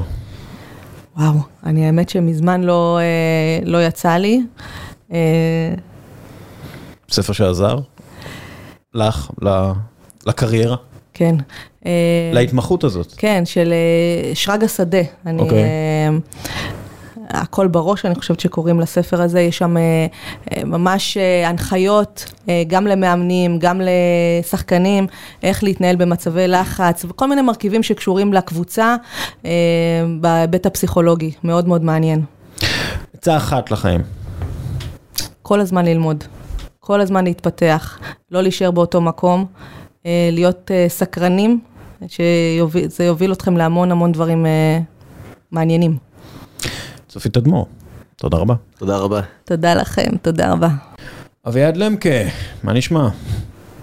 בונג'ורו חבר יקר, מה העניינים? בסדר גמור, מה איתך? איך אה, יש עניינים? מה קורה ביובנטוס? בוא נגיד, בוא, בוא נגיד ככה, שהייתי אצלך בזמנים יותר משמחים, יותר טובים של המועדון שלי. רק, רק כדי להבהיר אה, מה, מה קרה, כל ההנהלה של יובנטוס אה, מתפטרת השבוע בגלל עניינים אה, אה, של אי סדרים כספיים או חקירה לתוך אה, עניינים של אי סדרים כספיים. מה זה אומר? מה המשמעויות פה? יש פה, יש פה הרבה to unpack, כמו שאומרים באנגלית. אז, אז בוא, בוא, נתחיל, בוא, בוא, בוא נתחיל קודם כל באירוע עצמו. האירוע עצמו הוא אה, סוג של, באמת היה כמו איזה רעם ביום בהיר, איזה אה, זעזוע, איזה רעידת אדמה מיידית, כי אף אחד לא ציפה לזה. ואיך שזה התפרסם, אז אה, אה, אין לי ספק שבניגוד למה שנאמר בחלק, בהודעה רשמית של יובי, שזה היה בקטע שמתואם וידוע מראש, אני לא חושב, כי עצם זה שלא יהיו מחליפים, אם היו רוצים לעשות שינוי כזה מהפכני, שכל שדרת הניהול הולכת, ואני תכף אפרט על מה אנחנו מדברים, תהליך כזה היה נעשה בקטע של בנייה, בקטע של הכנה, לא בקטע של מהרגע לרגע באמצע משחק מונדיאל, שכולם מסתכלים ופתאום יוצאת כזו ידיעה שהיא זעזוע מטורף אה, בקנה מידה אה, עולמי, בטח באיטליה. במיוחד גם כשנסתכל מי האנשים שאנחנו מדברים עליהם, אנחנו מדברים על אנדריאה אניאלי, אה, נכד של אדוארדו אניאלי המקורי שהקים את יובנטוס, האחיין של ג'יאני אבוקטו, הבן של אומברטו. דם דם רק יובנטיני, זאת אומרת, זה, אין יותר יובנטיני ממנו, והוא למעשה מתפטר, מתפטר מהרגע לרגע, זאת אומרת, ברור לנו שהיה פה משהו אה, אה, קיצוני. עכשיו, מה, אבל אם נסתכל רגע לאור ה... אני מנסה לפזר את הערפל כי איך שזה התפרסם ומיום ליום אנחנו מקבלים עוד יותר אה, מידעים על מה באמת קרה, או מה קורה, בפני מה יובה עומדת. אז כשלב ראשון, כנראה, קרוב לוודאי, אני אומר עוד פעם, אני מסייג כי דברים קורים מדי יום ואני לא יודע לאן זה ייגרר, זאת אומרת, אנחנו רק אולי בקצה קרחון. כרגע, אחרי שכבר עברו יומיים של פרסומים, לא סביר שתהיה ענישה ספורטיבית, כשאני אומר לא סביר, אני אומר למעשה כמעט ב-99 אחוז. אוקיי, כלומר לא יורידו אותם ליגה כמו בקליצ'ופולי. לא, לא, לא, היום אפילו אמר אה, העורך של הטוטו ספורט, לא תהיה פה סריה B, זאת אומרת כל מי שחושב על זה, כי אין ספק שמדובר פה בעבירה כלכלית על חוקים של רשות לניירות הערך האיטלקית, מה שנקרא הקונסוב שחוקרים את יובה. כן. אני מדגיש, זה מה שכרגע אנחנו יודעים. יובה היא חברה בורסאית ציבורית. כחברה בורסאית ציבורית, יש עליה רגולציה, כמו שיש במדינת ישראל, יש את הרשות לניירות ערך. החקירה מטעם קונסוב היא על כך ש... יש אה, דיווח כוזב, במסמ... דיווח כוזב לרשות, בשני, בשני מקרים שאנחנו לכאורה יודעים עליהם. אחד מדברים על זה לפי העיתון הכלכלי של איטליה, סולד ונטקווטורי, שפרסם שבין השנים 2019 אה, אה, עד 2021, ההפסדים של יובה עמדו על 204 מיליון, יובה דיווחו על הפסדים של 204 מיליון יורו. בפועל ההפסדים עמדו על 450 מיליון יורו, שזה דיווח כוזב, שכמובן אה, משפיע על המניה. אה, נקודה נוספת שאומרים שפורסמה היא שיש לכאורה, אני מדגיש לכאורה, הקלטה של שיחה, שבתקופת הקוביד, אני אזכיר לך, יהיו ואיך שהתחילה הקורונה, הודיעו שכל השחקנים בהודעה לרשות לניירות ערך, בהודעה ציבורית, כל השחקנים ויתרו על המשכורות שלהם. כן. זה אגב היה צעד שאפילו גרר אה, תגובות שקבוצות אחרות אימצו אותו. אלא מה? אומרים שיש הקלטה שבאותה תקופה אה, כרוביני, ה general manager הנוכחי היום, שהוא דווקא לא מואשם, ניהל שיחה עם העורך דין ואמר לרונלדו אתה משלם בשחור. זאת אומרת, בניגוד למה שהם אמרו שהם לא משלמים, הם כן שילמו, וזה עוד פעם אה, הטעיה של אה, הציבור, הטעיה של הרשות לניירות ערך. זאת אומרת, כרגע זו החקירה שאנחנו יודעים עליה. כתוצאה ממה שנאמר, התביעה בטורינו הודיעה שהיא ממליצה להעמיד לאישום, להמליץ להגשת כתב אישום. כרגע עוד אין כתב אישום נגד 11 בכירים ביובה, שזה כולל את כל השדרה הניהולית, את אה, אה, אה, דניאל, את נדווד, את אריבה בני שהגיע לאחרונה, קצת לא ברור איך הוא שורבב, אבל הוא גם משורבב, ואת פרטיטי שנמצא בטוטנאם, חוץ ועוד אנשי כספים. כן. עכשיו, הנושא שדיברו עליו בהתחלה, שזה כאילו הדיווח המנופח של עסקאות כמו עסקת פיאניץ', ארתור, שמההתחלה הבנו כולנו שזו עסקה מנופחת, אף אחד, לא, עוד פעם, גם ברצלונה עשתה אותה, גם עסקאות כמו מצ'סטר סיטי עם קנסלו, זאת אומרת, אני חושב שמה שאני מבין כרגע, עוד פעם, זה מה שאני קורא, כן? אין, לא יצא מישהו פורמלי ואמר את הדברים האלה. מה שאני מבין כרגע, זה לא שם, לא מדברים על זה. מדובר כרגע על עבירות של הרשות לניירות ערך. עכשיו, יובה, חייב להגיד, הוציאו הודעה מאוד מסודרת אתמול, שהודיעו, לא עשינו שום דבר לא בסדר. כל הפעולות שלנו היו בתיאום עם הרשות לניירות ערך בליווי משפטי. זאת אומרת, יובה מקשיבים מלחמה.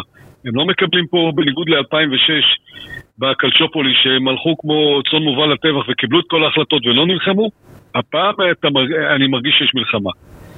עכשיו, רק, רק להגיד, כאילו יובנטוס מכחישים כל wrong אה, doing, כל אה, דבר... כל wrongdoing, אומרים כן. הכל היה בתיאום, הכל היה בשקיפות.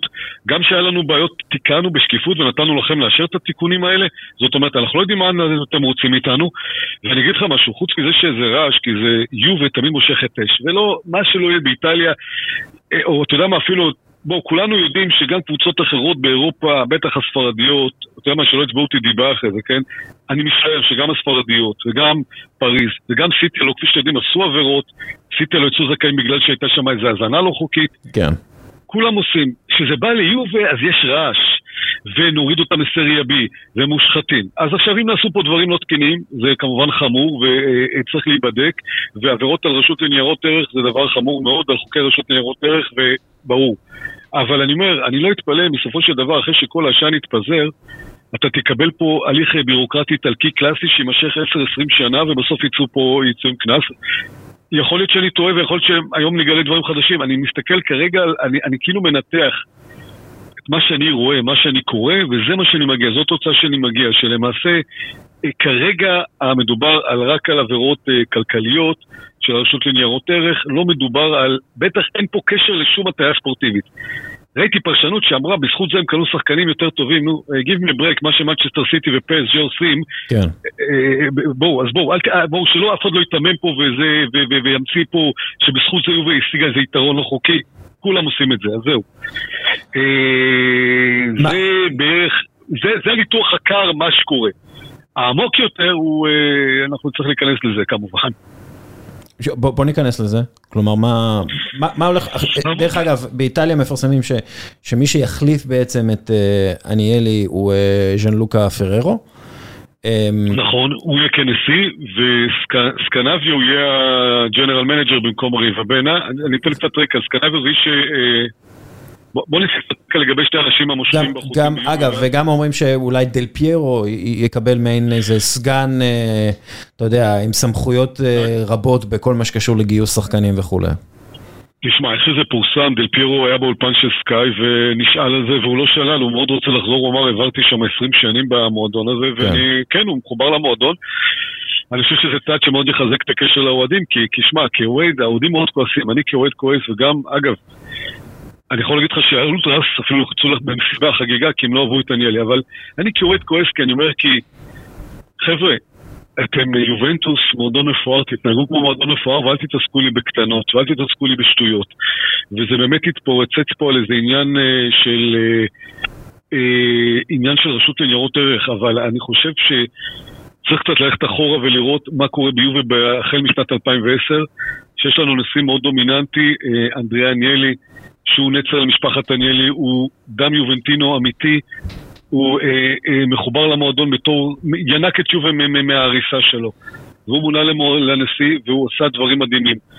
מי שמינה אותו למעשה זה הבן דוד שלו, ג'ון אלקן, שהוא היושב בראש הקונצרן שמנהל, הבעלים של יובל, קונצרן אקסו, אחד הקונצרנים הכי גדולים בעולם. שמחזיק בעשרות חברות, עשרות חברות אה, בתחום המזון, בתחום התשתיות, אה, פיאט כמובן, אפילו תעשיות נשק, אה, תקשורת וגם את יובה. וג'ון אלקן מינה לתפקיד את אנדריאה עניאלי. ובשנים האחרונות, זאת אומרת אנדריאה עניאלי שהוא התחיל כל מה שהוא עשה הצליח, הוא היה הצלחה פנומנלית, הוא החזיר את יובה אה, לזכות בתארים, אה, אה, תשע אליפויות הרצופות, וכל פעולה שהוא עשה הייתה מוצלחת. אבל יש איזה רגע סימבולי שאני חושב שפה הכל השתנה. ברגע, באיזה, בשנת 2017, הוא הודיע על שינוי הלוגו. זאת אומרת, הוא צריך לעשות דברים, הייתי אומר, שינה, פגע במסורת של יובה. שזה, הרגע הסמלי, אני אומר, זה שינוי הלוגו. לאו דווקא זה היה פעולה, אבל זה איזשהו קו מחשבה. ברגע שהכל הצליח לו, אז הוא אמר, אוקיי, אני יכול לעשות הכל. אז הוא שינה את הלוגו, ונלחם באולטרס, מונע מהם להיכנס לאצטדיונים, מכל מיני סיבות, חלק אמיתיות, אבל הגיע למצב שהוא אוסר להם להכניס את הסמלים שלהם. אצטדיונים, אצטדיון של יובה מאז שחזרה הקורונה, ריק, מוזנח, האוהדים לא באים, אין שלטים, אין עידוד, אווירה נוראית. קבוצות החוץ נותנות יותר רעש מהקבוצות המקומיות. זה המשיך בקטע שהוא פיטר את אה, אה, ג'וזפה מרוטה, שהיה האיש, ה general manager לדעתי אחד הטובים בעולם, אחד הטובים בהיסטוריה של יובה שעשה עסקאות נהדרות. והוא עשה משהו עוד מנוגד ל-DNA של יובה, שזה דווקא בדיעבד, במקור זה היה דבר רצון טוב להביא את קריסטיאנו רונלדו לעשות משהו שונה, אבל בפעולה שהוא הביא את רונלדו הוא פגע ב-DNA של יובה. הוא הפך את יובה מקולקטיב שאין שחקן מעל המועדון, הוא אה, אה, הביא אה, שחקן שהוא הפך אותו מעל המועדון, וגם עצם החשד שהוא קיבל כסף בזמן שאף אחד לא קיבל כסף, מראה להתייחסות השונה. יובי ממועדון שהוא כולו על בסיס איטלקי הפכה להיות לקבוצה, אתה יודע, פחות זהות איטלקית, פחות גוון איטלקי. וזה הגיע לידי ביטוי בכל מיני שערוריות, כמו, אה, אתן לך דוגמה קטנה, נגיד לואיס סוארס שרצו להביא אותו ליובי. עכשיו, בואו, זה לא שחקן שיובי הייתה חייבת אותו. כדי להביא אותו, הוא היה צריך, אה, אה, יש בעיה של האזרחות. אז שלחו אותו לעשות, היה צריך לעבור איזה בחינה באיטלקית. וסוארז לא יודע מילה באיטלקית והוא עבר את הבחינה בהצלחה. אז אומרים שמצאו איזה שיחות שהיה בין אה, פרטיץ' שהיה עוזר מה general manager לנשיא האוניברסיטה ואמר לו תעביר אותו. זה לא מתאים, תפסיקו להתעסק בגועל נפש הזה בשטויות האלה. לא צריך את סוארז, לא, אין לו אזרחות שלא יגיע סוארז. והפיאסקו הכי גדול שבו הוא היה מעורב זה ה Super League. כן. שמי, מי כמוני כמוך יודע שאני חושב שה Super League זה לא רעיון רע, אני חושב שזה רעיון מתבקש. אבל הוא היה הילד האהוב של אופ"א, נשיא המועדונים האירופאים. במקום ללכת בצד ביחד עם וופא, הוא הלך, אה, הוא היה חבר טוב של צ'פרין, הנשיא של וופא. הוא, יש איזה סרט אגב, ומי שרוצה לראות איך זה יתנהל וזה מעניין, יש איזה סרט עכשיו דוקו ב-yes על הקריסה של הסופרליג. בפעולות הכי שלומיאליות שיש, הם הודיעו על הפרסום של הסופר ליג, ותוך שלושה ימים המיזם הזה קרס, שהותיר את יובה מהקבוצה האהובה ואת הניאל עם הילד האהוב על וופא, לילד הרע הבלתי נסבל של וופא. כל מה שתיארתי פה, וזה רק קצה הדברים, חלק מהדברים, כי אם תרצה אני יכול שלוש שעות לדבר על זה. כן. ואני אומר עוד פעם, אני מעריך ומודה לו על השנים הטובות שהוא עושה ביובה. אבל מאותו רגע, מאותו תהליך, מהקריסה, כל התהליכים האלה הפכו להיות, אתה יודע, דבר רודף אחרי דבר. הבן דוד, ג'ון אלקן, שהוא אריסטוקרט, אין לו כוח והוא לא רוצה את ה... השערוריות האלה שידבקו ביובה. כן. הוא לא מתאים לו שזה מה שיהיה, ככה יובה תזוהה. מועדון שעושה בלאגן בוופא, מועדון שעושה עבירות מיסים. יכול להיות שבאיזשהו מקום האירוע הזה מתאים לו. להיפטט לו סוף סוף מהבן דוד, להקים שדרת ניהול חדשה בצלמו, יותר רגועה, יותר שקטה, יותר אה, אה פועלת ב-DNA שמתאים למועדון, של פחות שערוריות, פחות סנסציות. ואתה יודע, כבר רוכב על הגל במידה מסוימת, כי אני עוד הערה על עניאלי. אה, למה הם התפטרו למעשה, אם זה כמו שאני מתאר, זה בסך הכל עבירה, ל, אה, אה, לא בסך הכל, אני לא מזלזל חלילה, כן, אבל אני אומר, זה לא כצעקתה, למה הם התפטרו? עניאלי בהודעה שהוא פרסם אמר, ברגע שאנחנו לא מאוחדים, יפגעו בנו. כן. הוא רומז שכנראה היה חילוקי דעות בינו לבין אלקן, ובגלל זה אה, בסוף כנראה שאלקן אמר לו, ידידי, אתה הולך, בן דודי, לא ידידי, בן דודי שאני מודה לך מאוד, הוציא הודעה שהוא מודה לו מאוד, אתה הולך החוצה, הולך הביתה. זה, אז אם אתה מסתכל איתי פה, אז יש לנו פה כמה סיפורים. סיפור אחד זה על עניאלי, זה סיפור על, איך אני אומר, גיבור טרגי, על בן אדם שהיה אמור להיות הסמל, הדמות הכי נערצת ביובה, והוא עוזב, הוא הולך בתור מישהו שאפילו יזכרו אותו כידוע לשמצה, וזה חבל. כי לא מגיע לו אה, על השנים הטובות שלו, אבל הסיומת שלו הייתה נוראית. אדם שהשתן עלה לו לראש באיזשהו מקום, ששכח את הדברים הבסיסיים שלו, הפונדמנטליים שלו, ומשלם אה, על זה עכשיו לדעתי בעזיבה המדהימה הזאת. אז מה עכשיו? מה עכשיו? כן. עכשיו, עכשיו קודם כל כולם מנסים לתקוף ולזנב ביובה ולהתנפל על ה... על ה... לנסות להתנפל על החיה הפצועה. אבל חיה פצועה יודעת להילחם, וכמו שאמרתי, יובה הולכת להילחם, זה מה שאני מבין היום לאור ההודעה שהם פרסמו אתמול. מדברים על כך שכמובן יהיה פה נזק כלכלי. כבר מדברים באחד העיתונים על כך שבלחוביץ' וקיאזה יצטרכו ללכת כדי לעמוד בנזקים הכלכליים. כלומר, כלומר צריך למכור אותם כי, כי צריך לכסות חובות בעצם. יובל כבר כמה שנים בחובות גדולים. עכשיו, כל פעם החברה, החברת תאגיד העל, אקסור, הזרים כסף. הלוואת בעלים, כל מיני הזרמת כסף. באיזשהו שלב, אתה יודע, זה גם גוף ציבורי, הוא לא יכול להזרים כסף לעד. אז יכול להיות עכשיו, המניה מן הסתם קורסת. כן. אז אה, כסף להביא שחקנים, אני לא יודע אם יהיה אפשר. אז יכול להיות שלמעשה אה, יצטרכו לעשות מכירות, כמה שזה יכאב. גם תקשיב, גם בואו נגיד ככה, אתה תרצה להביא שחקן, איזה שחקן יבוא למועדון לא יציב? בשלב ראשון קודם כל צריך לשדר יציבות ורוגע. להעלות את הרכבת דקה קודם כל על המסלול. כן. אה, ואז אה, להתחיל, אה, אתה יודע, לחזור לעניינים, אבל תשמע, אני בטוח גם, אתה יודע, שככל שיעבור הזמן, גם אתה יודע, הכלבים נובחים ושיירה עוברת, אתה יודע, בסופו של דבר הדברים יחזרו למסלול באיזשהו שלב, בהנחה שכל מה שאני אומר זה מה שיש באמת. מכאן ואילך מה, תבין, ברגע שככל שיעלו את הרכבת בחזרה על הפסים, תוך ניהול רגוע ושקט, ולצורך כך הובאו שני אנשים, הועבר אה, פררו כנשיא המועדון, והדמות היותר מעניינת זה מאוריסיוס קנביו, שהוא אה, הגיע לפיאט ב-2004, הוא מאוד מקורב לג'ון אלקן, איש שיווק, אה, ו... יביאו למעשה איזה דמות ספורטיבית כמו דל פיירו, אז אני מאמין שזה איזשהו ירגיע קצת את המערכת, יחבק קצת את האש. אה, אפילו הייתי אומר שיצא טוב שזה דווקא בתקופת המונדיאל, שיש איזה שבועיים קצת לעשות אה, איזשהו ריקאפ ולנסות להחזיר את השקט קצת, או את הרוגע כמה שאפשר, ככל שאפשר, מול הסערה הזאת שנפלה עלינו. אז איך אנחנו, כאילו, מתי, זה אמור להיות בדצמבר, יחליטו בעצם על הנהלה חדשה, ואז ההנהלה החדשה... בדצמבר, כן, כן, כן, שאלת שאלה, ב-27 לדצמבר מתכנס הבורד, וישיבת הדירקטוריון, ושם תמנה את ההנהלה החדשה, וזה, כמו שאמרתי לך, זה מחזק אצלי את ה... כן התחושה שהכל היה בהפתעה, כי אם אה, היו נערכים לזה, כבר הייתה הנהלה, אתה מבין? היו אומרים... אנחנו, אנדריאה אניילי פורש ומחליף אותו ככה וככה והוא עושה חפיפה מסודרת. אלגרי, אלגרי צפוי להמשיך בכל מקרה, נכון? כלומר לא יהיה... אלגרי פיטר את ההנהלה, בסופו של דבר הם חשבו שיפטרו את אלגרי, אלגרי כן. פיטר את ההנהלה, זה אחד הסטלבטים ברשתות החברתיות. ברור, אה, אה, כי ברור, דווקא לאלגרי זה בא טוב, יש פה, אני חושב, שני אנשים שזה בא... יודע מה, שלושה גורמים שזה טוב להם, כן? האולטרה ששנאו את עניאלי כי הוא הדיר אותם מהאצטדיון, אני, עוד פעם, אני אה, אה, חושב שקצת עושים לו עוול, כן? לא צריך לצאת לחגוג בזה שהוא הולך, אבל אה, אני יודע על מה זה יושב. אלקן שלדעתי, כן, זה בא לו טוב כבר, כי הוא, הוא כבר מאס בהתנהגות של הבן דוד שלו, ואלגרי, שהוא עכשיו האוטוריטה הכי חזקה במועדון, אין, אין מישהו מעליו למעשה. זאת כן. אומרת, אה, חוץ מהפיצויים שתקועים איתם, הוא כאילו עכשיו עושה טובה בעצם זה שהוא נשאר ומשדר יציבות, זאת אומרת, התהפכו היוצרות.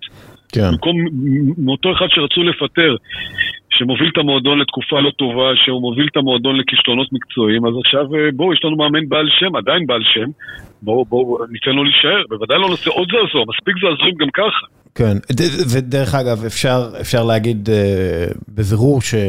יובנטוס ככל הנראה לא תהיה פעילה מאוד בשוק העברות השחקנים החורפי, משהו שהקבוצה צריכה, היא צריכה שחקנים אה, נוספים וזה כנראה לא יקרה. דיברה, ודיברה על רכישה של אה, קורסדופ שנזרק מרומא על ידי מוריניו, כן. והמגן של אה, בנפיקה, לא זוכר, ברח לי שם שלו, לא משנה. כן, ברור ש... יותר מזה, איזה שחקן יבוא עכשיו לספינה רעועה כזאת, אתה מבין? אז סביר להניח שהחורף לא יהיה פעיל. אני כולי תקווה, אתה יודע שעוד פעם, אם התחזיות שלי או אם הניתוח שלי הוא הנכון, אני כולי תקווה שתוך כמה חודשים כן הספינה תתייצב ותחזור אה, אה, אה, כי תשמע, כבר זה היה במקום שהוא כבר באמת הפך להיות מאוס, זאת אומרת, העזיבה שלו כנראה כבר הייתה מגיעה במוקדם או מאוחר. אני לא יודע אם אתה זוכר, אבל כשדיברנו על עונת פירלו, כן. אה, ואז התחיל הסופר ליג, ואמרתי לך ש... אה, הוא, הוא לא מתאים, הוא לא בא טוב לאלקן, אלקן לא, ה, ה, הוא לא מסתדר לו, כל השערוריות האלה זה לא משהו שהם יהיו ורוצים שיהיה, שיהיה סביבם. אני כאוהד, אני אומר עוד פעם, אני כועס בכלל, עוד פעם, בהנחה שהדברים האלה שנאמרים נכונים, הניפוח, שינוי מאזנים, או, או אני אומר יותר מזה, העסקה של סוארז, האירוע הזה למשל, בואו, אל תתלנו, אל תתעסקו לי בזה, זה לא אתם, אתם צריכים להיות המועדון שמשמש דוגמה, כן. שמתנהל בצורה הכי, הכי, כמו ביירן מינכן בגרמניה, בצורה מסודרת, בצורה אה, נכונה. אל תתעסקו לי בשטויות, סליחה, בלי לפגוע באף אחד. אתם לא נפולי שעושים את התרגילים האלה, אתם יובה. ונפולי קבוצה מסודרת, יש לומר. כלומר, נפולי אתה יודע, עובדים טוב יותר, מה לעשות? נפולי, נפולי מבחינת רכש ומבחינת ניהול ספורטיבי זה מדהים, מה שהם עשו השנה, איפה הם כל שחקן שהם הביאו זה בינגו, הניהול, הכספים, אבל גם, זאת אומרת, העסקאות שהם עושים, אבל בוא, דלורנטיס, אני בטוח ש... אני לא בטוח שהוא אה, דמות שהייתה... לא, גם, איך קוראים לו? אה, קריסטיאנו ג'ונטולי. ג'ונטולי. זה נכון, כן. יש להם general manager אה, מצוין, שיודע, שעושה scouting טוב ומביא שחקנים ועושה עסקאות נדירות. והשנה אני לא רואה משהו שיעצור אותם לקחת את האליפות, אבל אני אומר, באופן כללי ההתנהלות של המועדון הזה זה... תקשיב, אני אתן לך דוגמה מהצד השני של יובה. האיצטדיון, הבית מלון ליד, המתחם אימונים, השיווק בחו"ל. זה מועדון שכן מתנהל בלבלים האלה ברמה הכי מקצועית והכי יפה והכי מאוד לא מתאימה לאיטליה. זאת אומרת, כן הוא חושב קדימה. כן. זאת אומרת, אז מצד אחד אתם מתנהלים כמו תאגיד, כמו קונצרן בינלאומי, כמו מועדון שחושב קדימה, עם חזון והתפתחות ודרכים. מצד שני אתם נופלים לי בשטויות כאלה. זה, זה, זה הכעס שלי, אתה מבין? בגלל זה אני אומר, ההיסטוריה תשפוט את אנדרי עניאלי, יזכרו לו את הדברים הרעים, אבל אי אפשר לזכור לו גם, אי אפשר לשכוח לו גם את הדברים הטובים ש, ש, שהוא עשה. הוא פשוט באיזשהו מקום איבד את הדרך. הוא אה, אה, הלך בדרך שלו שהיא לא נכונה וצעד אחרי צעד וזה רק החמיר, במקום להגיד רגע בואו רגע נעשה ריסטארט, בואו רגע נחזור למקום שממנו התברברתי, בואו רגע נחזור לבסיס, המשיך ואני יודע יותר טוב ואני אחנך ואסביר לכולכם מה לעשות. בסוף זה יתפוצץ לצערנו, אבל... ואגב, אפשר להגיד שבכל מה שקשור לסופר ליג זה ככל הנראה לא יקרה, כלומר אנחנו, כאילו יובנטוס... יובנטוס, אה, ריאל מדריד וברצלונה הן הקבוצות היחידות שנותרו אה, על עגלת הסופר ליג, וזה קשה מאוד לראות את זה קורה. בוא, בוא נגיד ככה, אם זה, אם זה יקרה, זה יהיה יחד בתיאום עם וופא, וכל העניין של הסופר ליג היה להתנתק מהחיבור כן. של וופא ולשלוט בהכנסות, אז כן, ברור, הם, הם, הם, הם, הם, הם איבדו את המומנטום, ה, ה, ה, כל ההתנהלות שלהם באיך שהם עשו את התהליך הזה.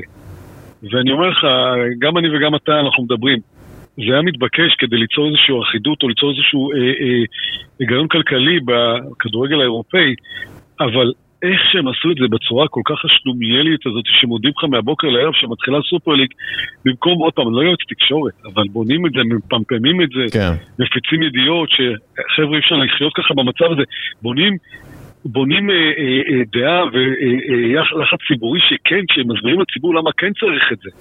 ולא מודים מהרגע לרגע שקבוצה כמו ליץ יונייטד נסגרה בפניה הדלת להיות ב, ב, ב, ב, בתחרות הזאת או כל מיני קבוצות אחרות, כן. ואז מעמידים את זה, אתה יודע, יוצרים אנטי. וברור שהוא אה, קרס בעניין הזה, הוא גרם ל... הוא איבד גם, אתה יודע, למשל, תסתכל איך וופא מאושרים עכשיו בעניין הזה, וראית, כן. לא יודע אם ראית את התגובה של נשיא ההתאחדות הספרדית. כן, הם... החוצפן הזה, סלח לי, החוצפן הזה, כי קודם כל, אם תראה את הסרט, איך הוא אומר, איפה הנבלים של על סופרליג, איפה עניאלי. זאת אומרת, הוא פתאום תוקף את יובה. בוא, מה קורה לכם ריאל מדריד וברצלונה אצלך שמה? יובה עשתה עסקאות עם ברצלונה. עכשיו, ואהבתי את התגובה של נשיא ההתאחדות האיטלקית גרבינה, הוא לא אמר לו בשם, אבל הוא אמר, קודם כל אני נגד הלינץ' הזה, הוא אמר, כל אלה שחוגגים, שיישארו במקומות שלהם וידאגו לדברים שלהם. ככה רמז לו, אח שלי, תדאג למה שקורה אצלך לפני שנכנסתי לחצר שלי. וזה הרגיז אותי, אתה מבין, הם פונים לוופא החוצפנים האלה, הברדקיסטים האלה, שאצלם זה בכלל איך מתנהלת הליגה, לחקירה נגד יובה. הלו, בואו, בואו. אז אה, עכשיו גם ברור לי, גם באיטליה ראיתי את מטרצי וכל ה... אתה יודע, ההמון הזה שקופץ ומאשים את יובה, סריה בי, בואו. אה, יש הרבה מה ללמוד גם מיובה, אנחנו מקווים, גם יש דברים טובים. אם אהדו והכל, אז יש את בתי הדין או יש את בתי המשפט שידעו להתמודד מולם. כן. אביה, תודה רבה. מקווה שבפעם הבאה שנדבר, אתה יודע, יהיה פחות דרמטי. מקווה שתזמין אותי על ההישגים הספורטיביים כמו שעשינו עד עכשיו, זה היה הכי כיף לדבר, אבל אה, תשמע, איטליה זה אף פעם לא משעמם, ואם אין שערורייה, זה, אתה יודע, לא מתחילים את הבוקר, ואני רק אגיד דבר אחד, יובה, שרדנו כבר דברים, אנחנו גם נעבור את הגל הזה, אה, רק חבל לי עוד פעם, שאיך שלא יהיה, אנחנו אה, נגררים לאיזשהו משהו שאני חושב שמיותר ולא היה צריך להיגרר אליו. זה, זה, זה בשורה התחתונה, אבל אה, פינו על הפינה, אנחנו נצא גם מזה. תודה רבה, ונדבר. יקירי, תודה, שיהיה, שיהיה אחלה יום. ביי ביי. ביי. ועכשיו אנחנו בפינה החברתית בשיתוף בועטים את הגזענות והאלימות מהמגרשים של הקרן החדשה לישראל, מתן סגל, מה נשמע? בסדר, מה העניינים? בסדר גמור, אני רוצה לדבר איתך על המונדיאל. אני אשמח.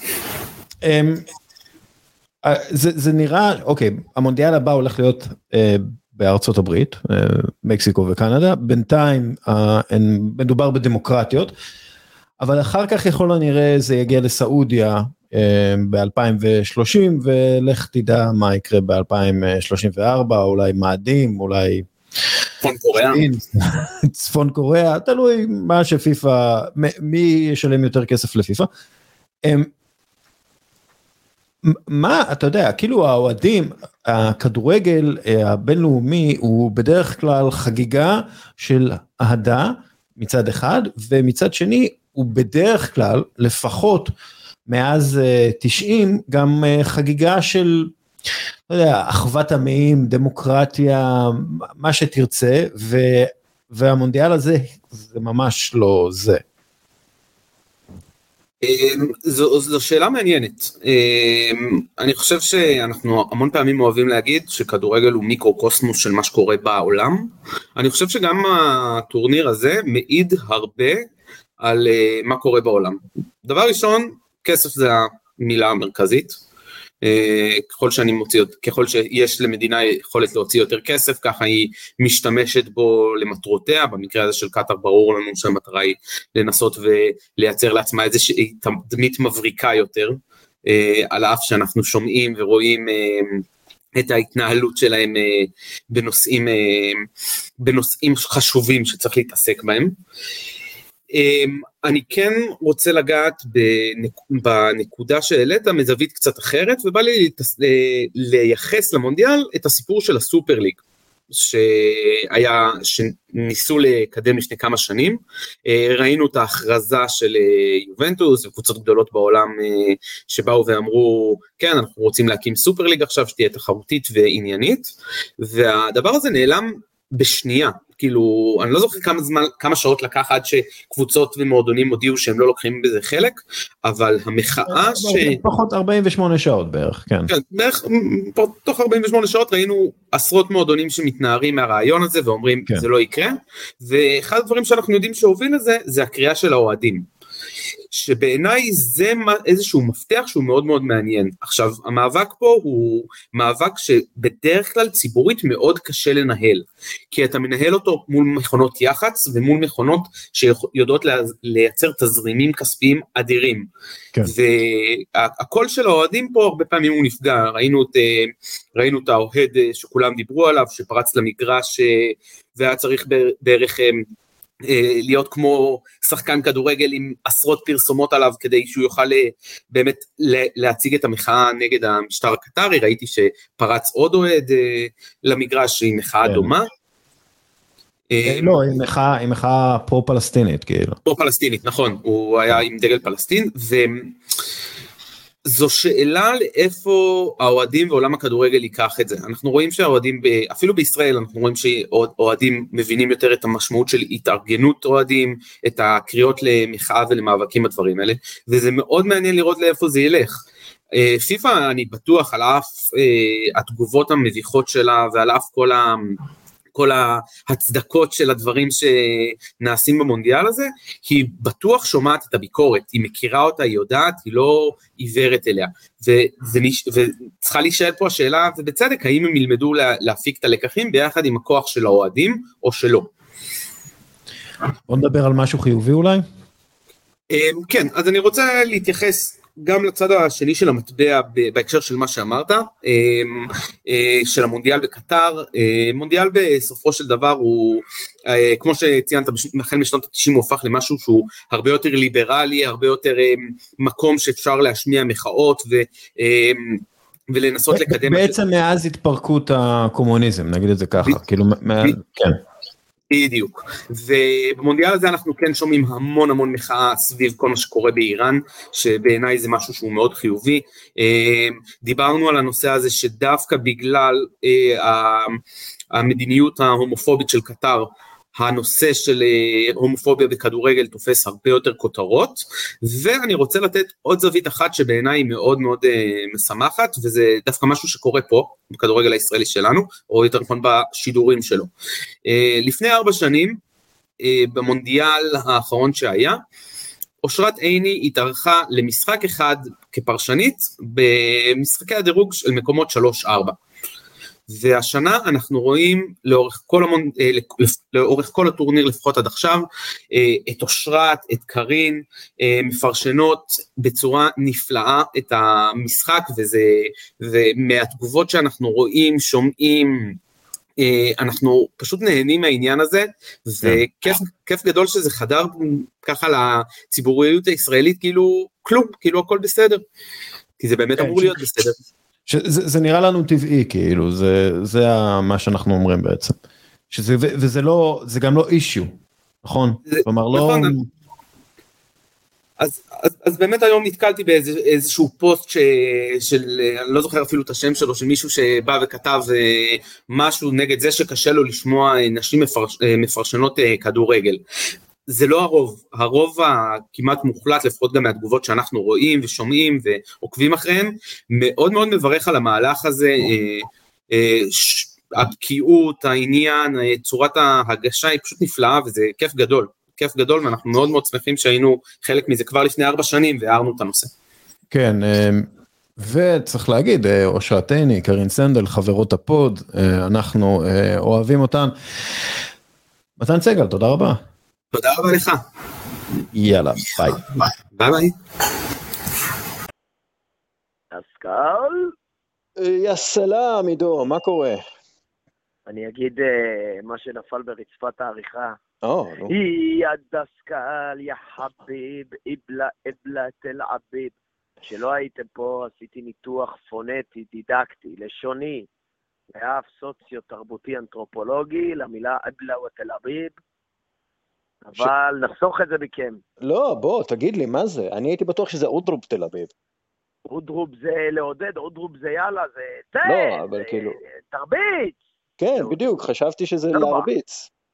אז מה, נכון, אז מה זה? להרביץ, אבל אתה חושב שגם בעברית אנחנו אומרים, תרביץ, תן אותה, כמחמאה תרביץ, תן אותה, מה שנקרא, תן, תן את הפס.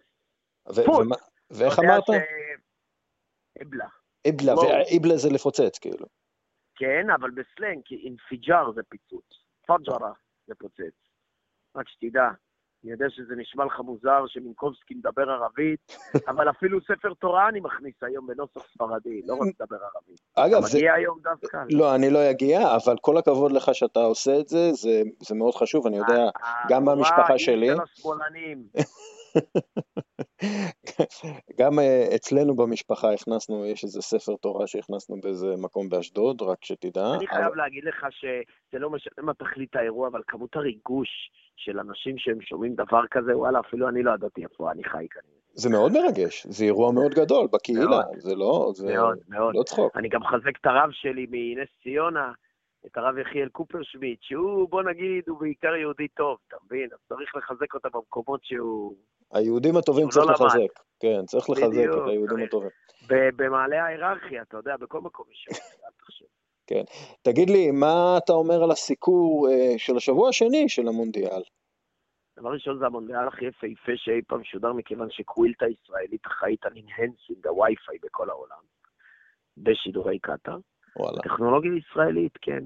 אבל אחרי שגמרנו את התוכן השיווקי הגס רוח והרשות השנייה תסגור אותנו, הייתי רוצה להגיד לך שאם חשבנו שדרום אפריקה הייתה שכונה עם אבובוזלות, אה, ורוסיה העמידה פנים, האמת היא, להגנתם ייאמר שלפחות אה, על הסטייל צפון קוריאה, אתה יודע, שנוחתים וילדים שרים ושמנים, שמייבאים ילדים שמנים ממדינות אחרות כדי להראות שיש אוכל. אה, אז אוי, זה, איך אומרים? פלאפר יאכל בוסר ושיני האוהדים תקהנה.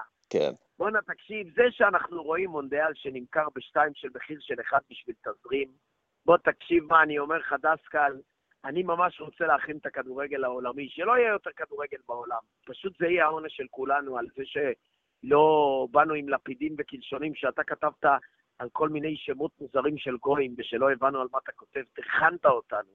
אה, מה שנקרא, אה, לא יודע מה שנקרא, הציבור מטומטם לכן הציבור ישלם. אני חושב שזה עונש ראוי לרסק את הכדורגל העולמי על זה שנתנו לזה לעבור. מה אני אגיד לך, דסקל? הרעים מנצחים, וואו, כן. זה לא סיסמה. כן. אגב... שמע, uh... אפילו הקטרים גאים בכל העניין הזה, אתה מבין? הם כאילו בכלל, ב... הם עדיין ב... ב... בחגיגה בינלאומית, כאילו הם uh, התקבלו ל... אני חושב שהם עשו צעד אחורה מאוד, קטר, בקבלת ה... מה שנקרא החיבוק ממשפחת העמים. אה, אה, אני מקווה שהמערבים באמת לא פראיירים, כמו שהם עושים, מנצחים על המגרש וביציעים. השאלה, אתה יודע, אני, אני רואה, דיברו בהתחלה שידברו על הבעיות במונדיאל הזה וכולי, אבל בשידורים פשוט מדברים על כדורגל, לא מדברים בכלל על כל הבלאגנים. שזה בטח גם בכוח הזרוע. כן.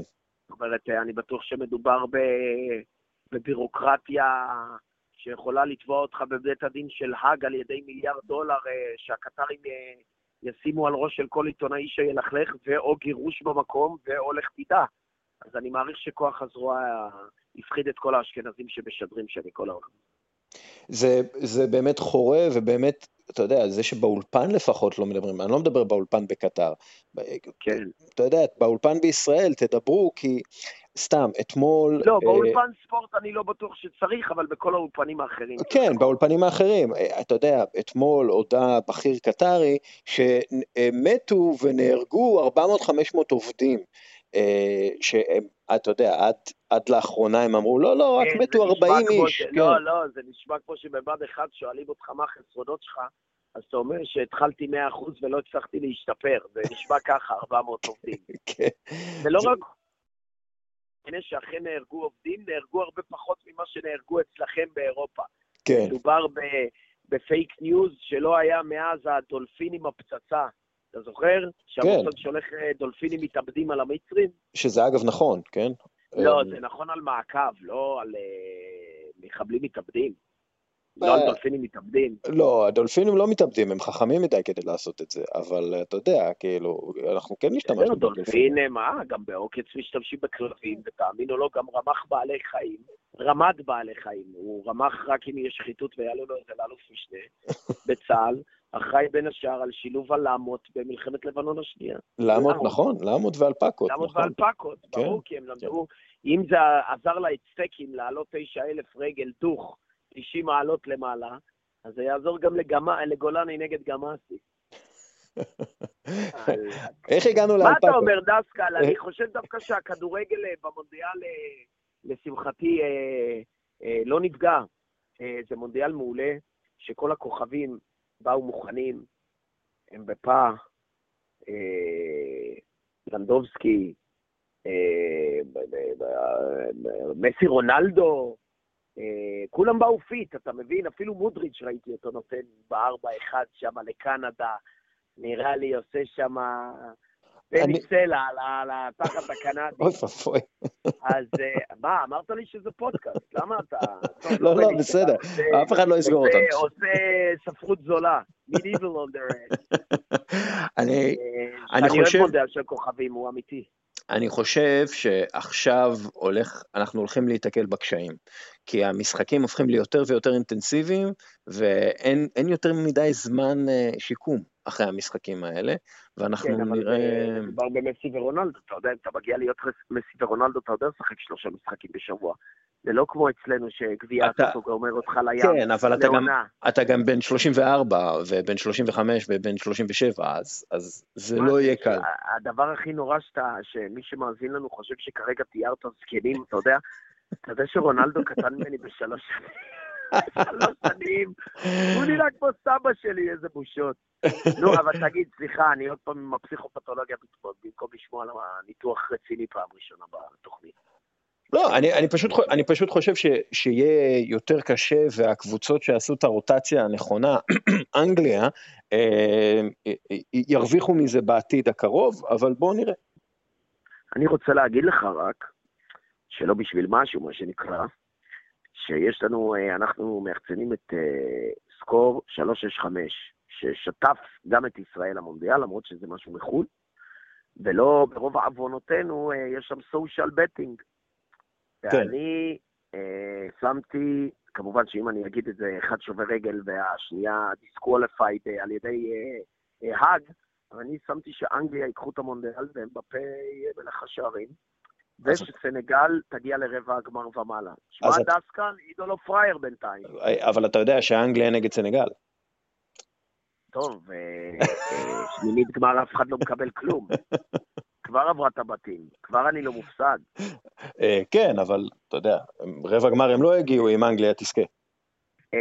תשמע, אני לא יודע מה אני מעדיף יותר, לדחוף את האצבע לעין למי שאמר לי שסנגל לא עוברים את הבתים, או לעודד את הפועל אנגליה, אני אקח בשנייה דווקא. אני אתן מעצמי הפעם. בסדר, בוא, אתה רוצה לשיר קצת פוטבול is coming home? איזה גבר אתה, איך אתה יודע מה מדליק אותי, אבל אה, יאללה, בוא נשים את זה. בן זונה מי לא שם את זה עכשיו? סליחה, אמרתי אה, בן זונה. יאללה, אה, לפי החוקים צריך להגיד איזה מילת פרשנות על השיר לפני ששמים כמה שניות ממנו, אז יאללה. אבל תעשה לי טובה, אם אתה כבר על היוטיוב עסקינן, תשים לי את הגרסה אחרי 98, לא לפני.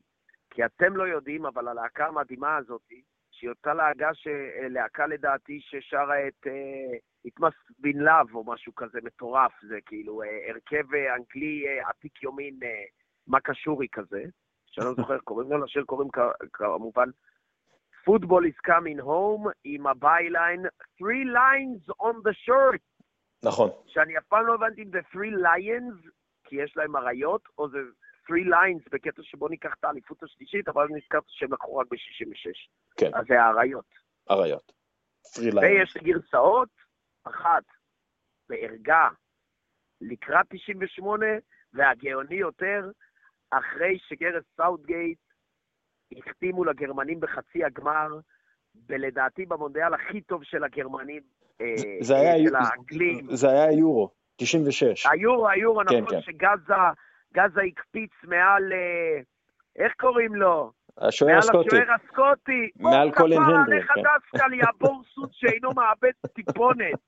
איך אתה זוכר את כל הרפרנס שילד שמן אוכל בורגראנץ' ומביא ביד על גסקוין, וואו. אכלת בורגראנץ' בחיפה? אין לכם מקדייוויד שם? א', יש מקדייוויד בחיפה, אבל כרגיל אתה גזען עלוב, שחושב שכל הקריות וכל חיפה קרח אחד הם. לא, לא אני גם, לא אני משם גם, אני משם, אל תעשה לי את זה, אני גם משם. אתה מחיפה, לא מהקריות. לא, לא, אני, תקשיב, אני, קודם כל יליד חיפה, כן, אה, זה, אבל... כולם ילידי חיפה, כולם חיפה במקור. לא אבל אני קריית ביאליק. אתה יודע, בכל זאת. אה, איזה קרייתי, וואו. אז כן, אז אנחנו לא אותו דבר, ובחיפה, בקריות לא היה בקדייוויד עד לא, שנפתח בלב כן. המפרט, נכון. אחרי שנפל שם מסקד, אבל בורגרן שהיו הראשונים ממשלוחים, בסך היה ילד עצלן עם כרטיס אשראי של אימא, נשארתי לבד בבית עם, עם מפתח. מה שנקרא, אם אני כבר פה, אז מזמינים בורגראנץ'. וכן, נהייתי גסקוין רק בלי הקריירה. אמ, למרות שלפי דעתי אתה, לפי דעתי אתה במצב כלכלי טוב יותר מגסקוין, אני בטוח כן, ב-99 אחוז. כן. היום כן, אבל אני גם היום עם ה brand של גסקוין דופק 250 אלף שקל קמפיין להתאחדות, מתחיל את היומית ככה. אה, what's your מונה? three kebabs?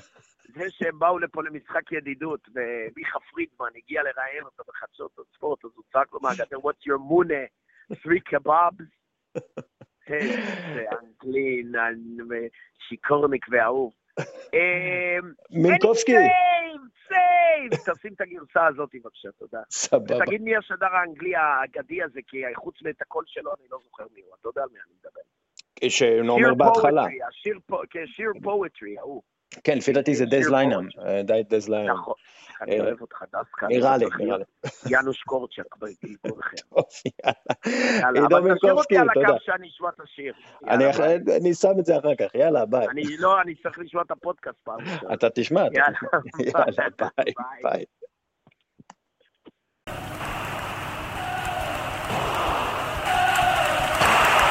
I think it's bad news for the English game.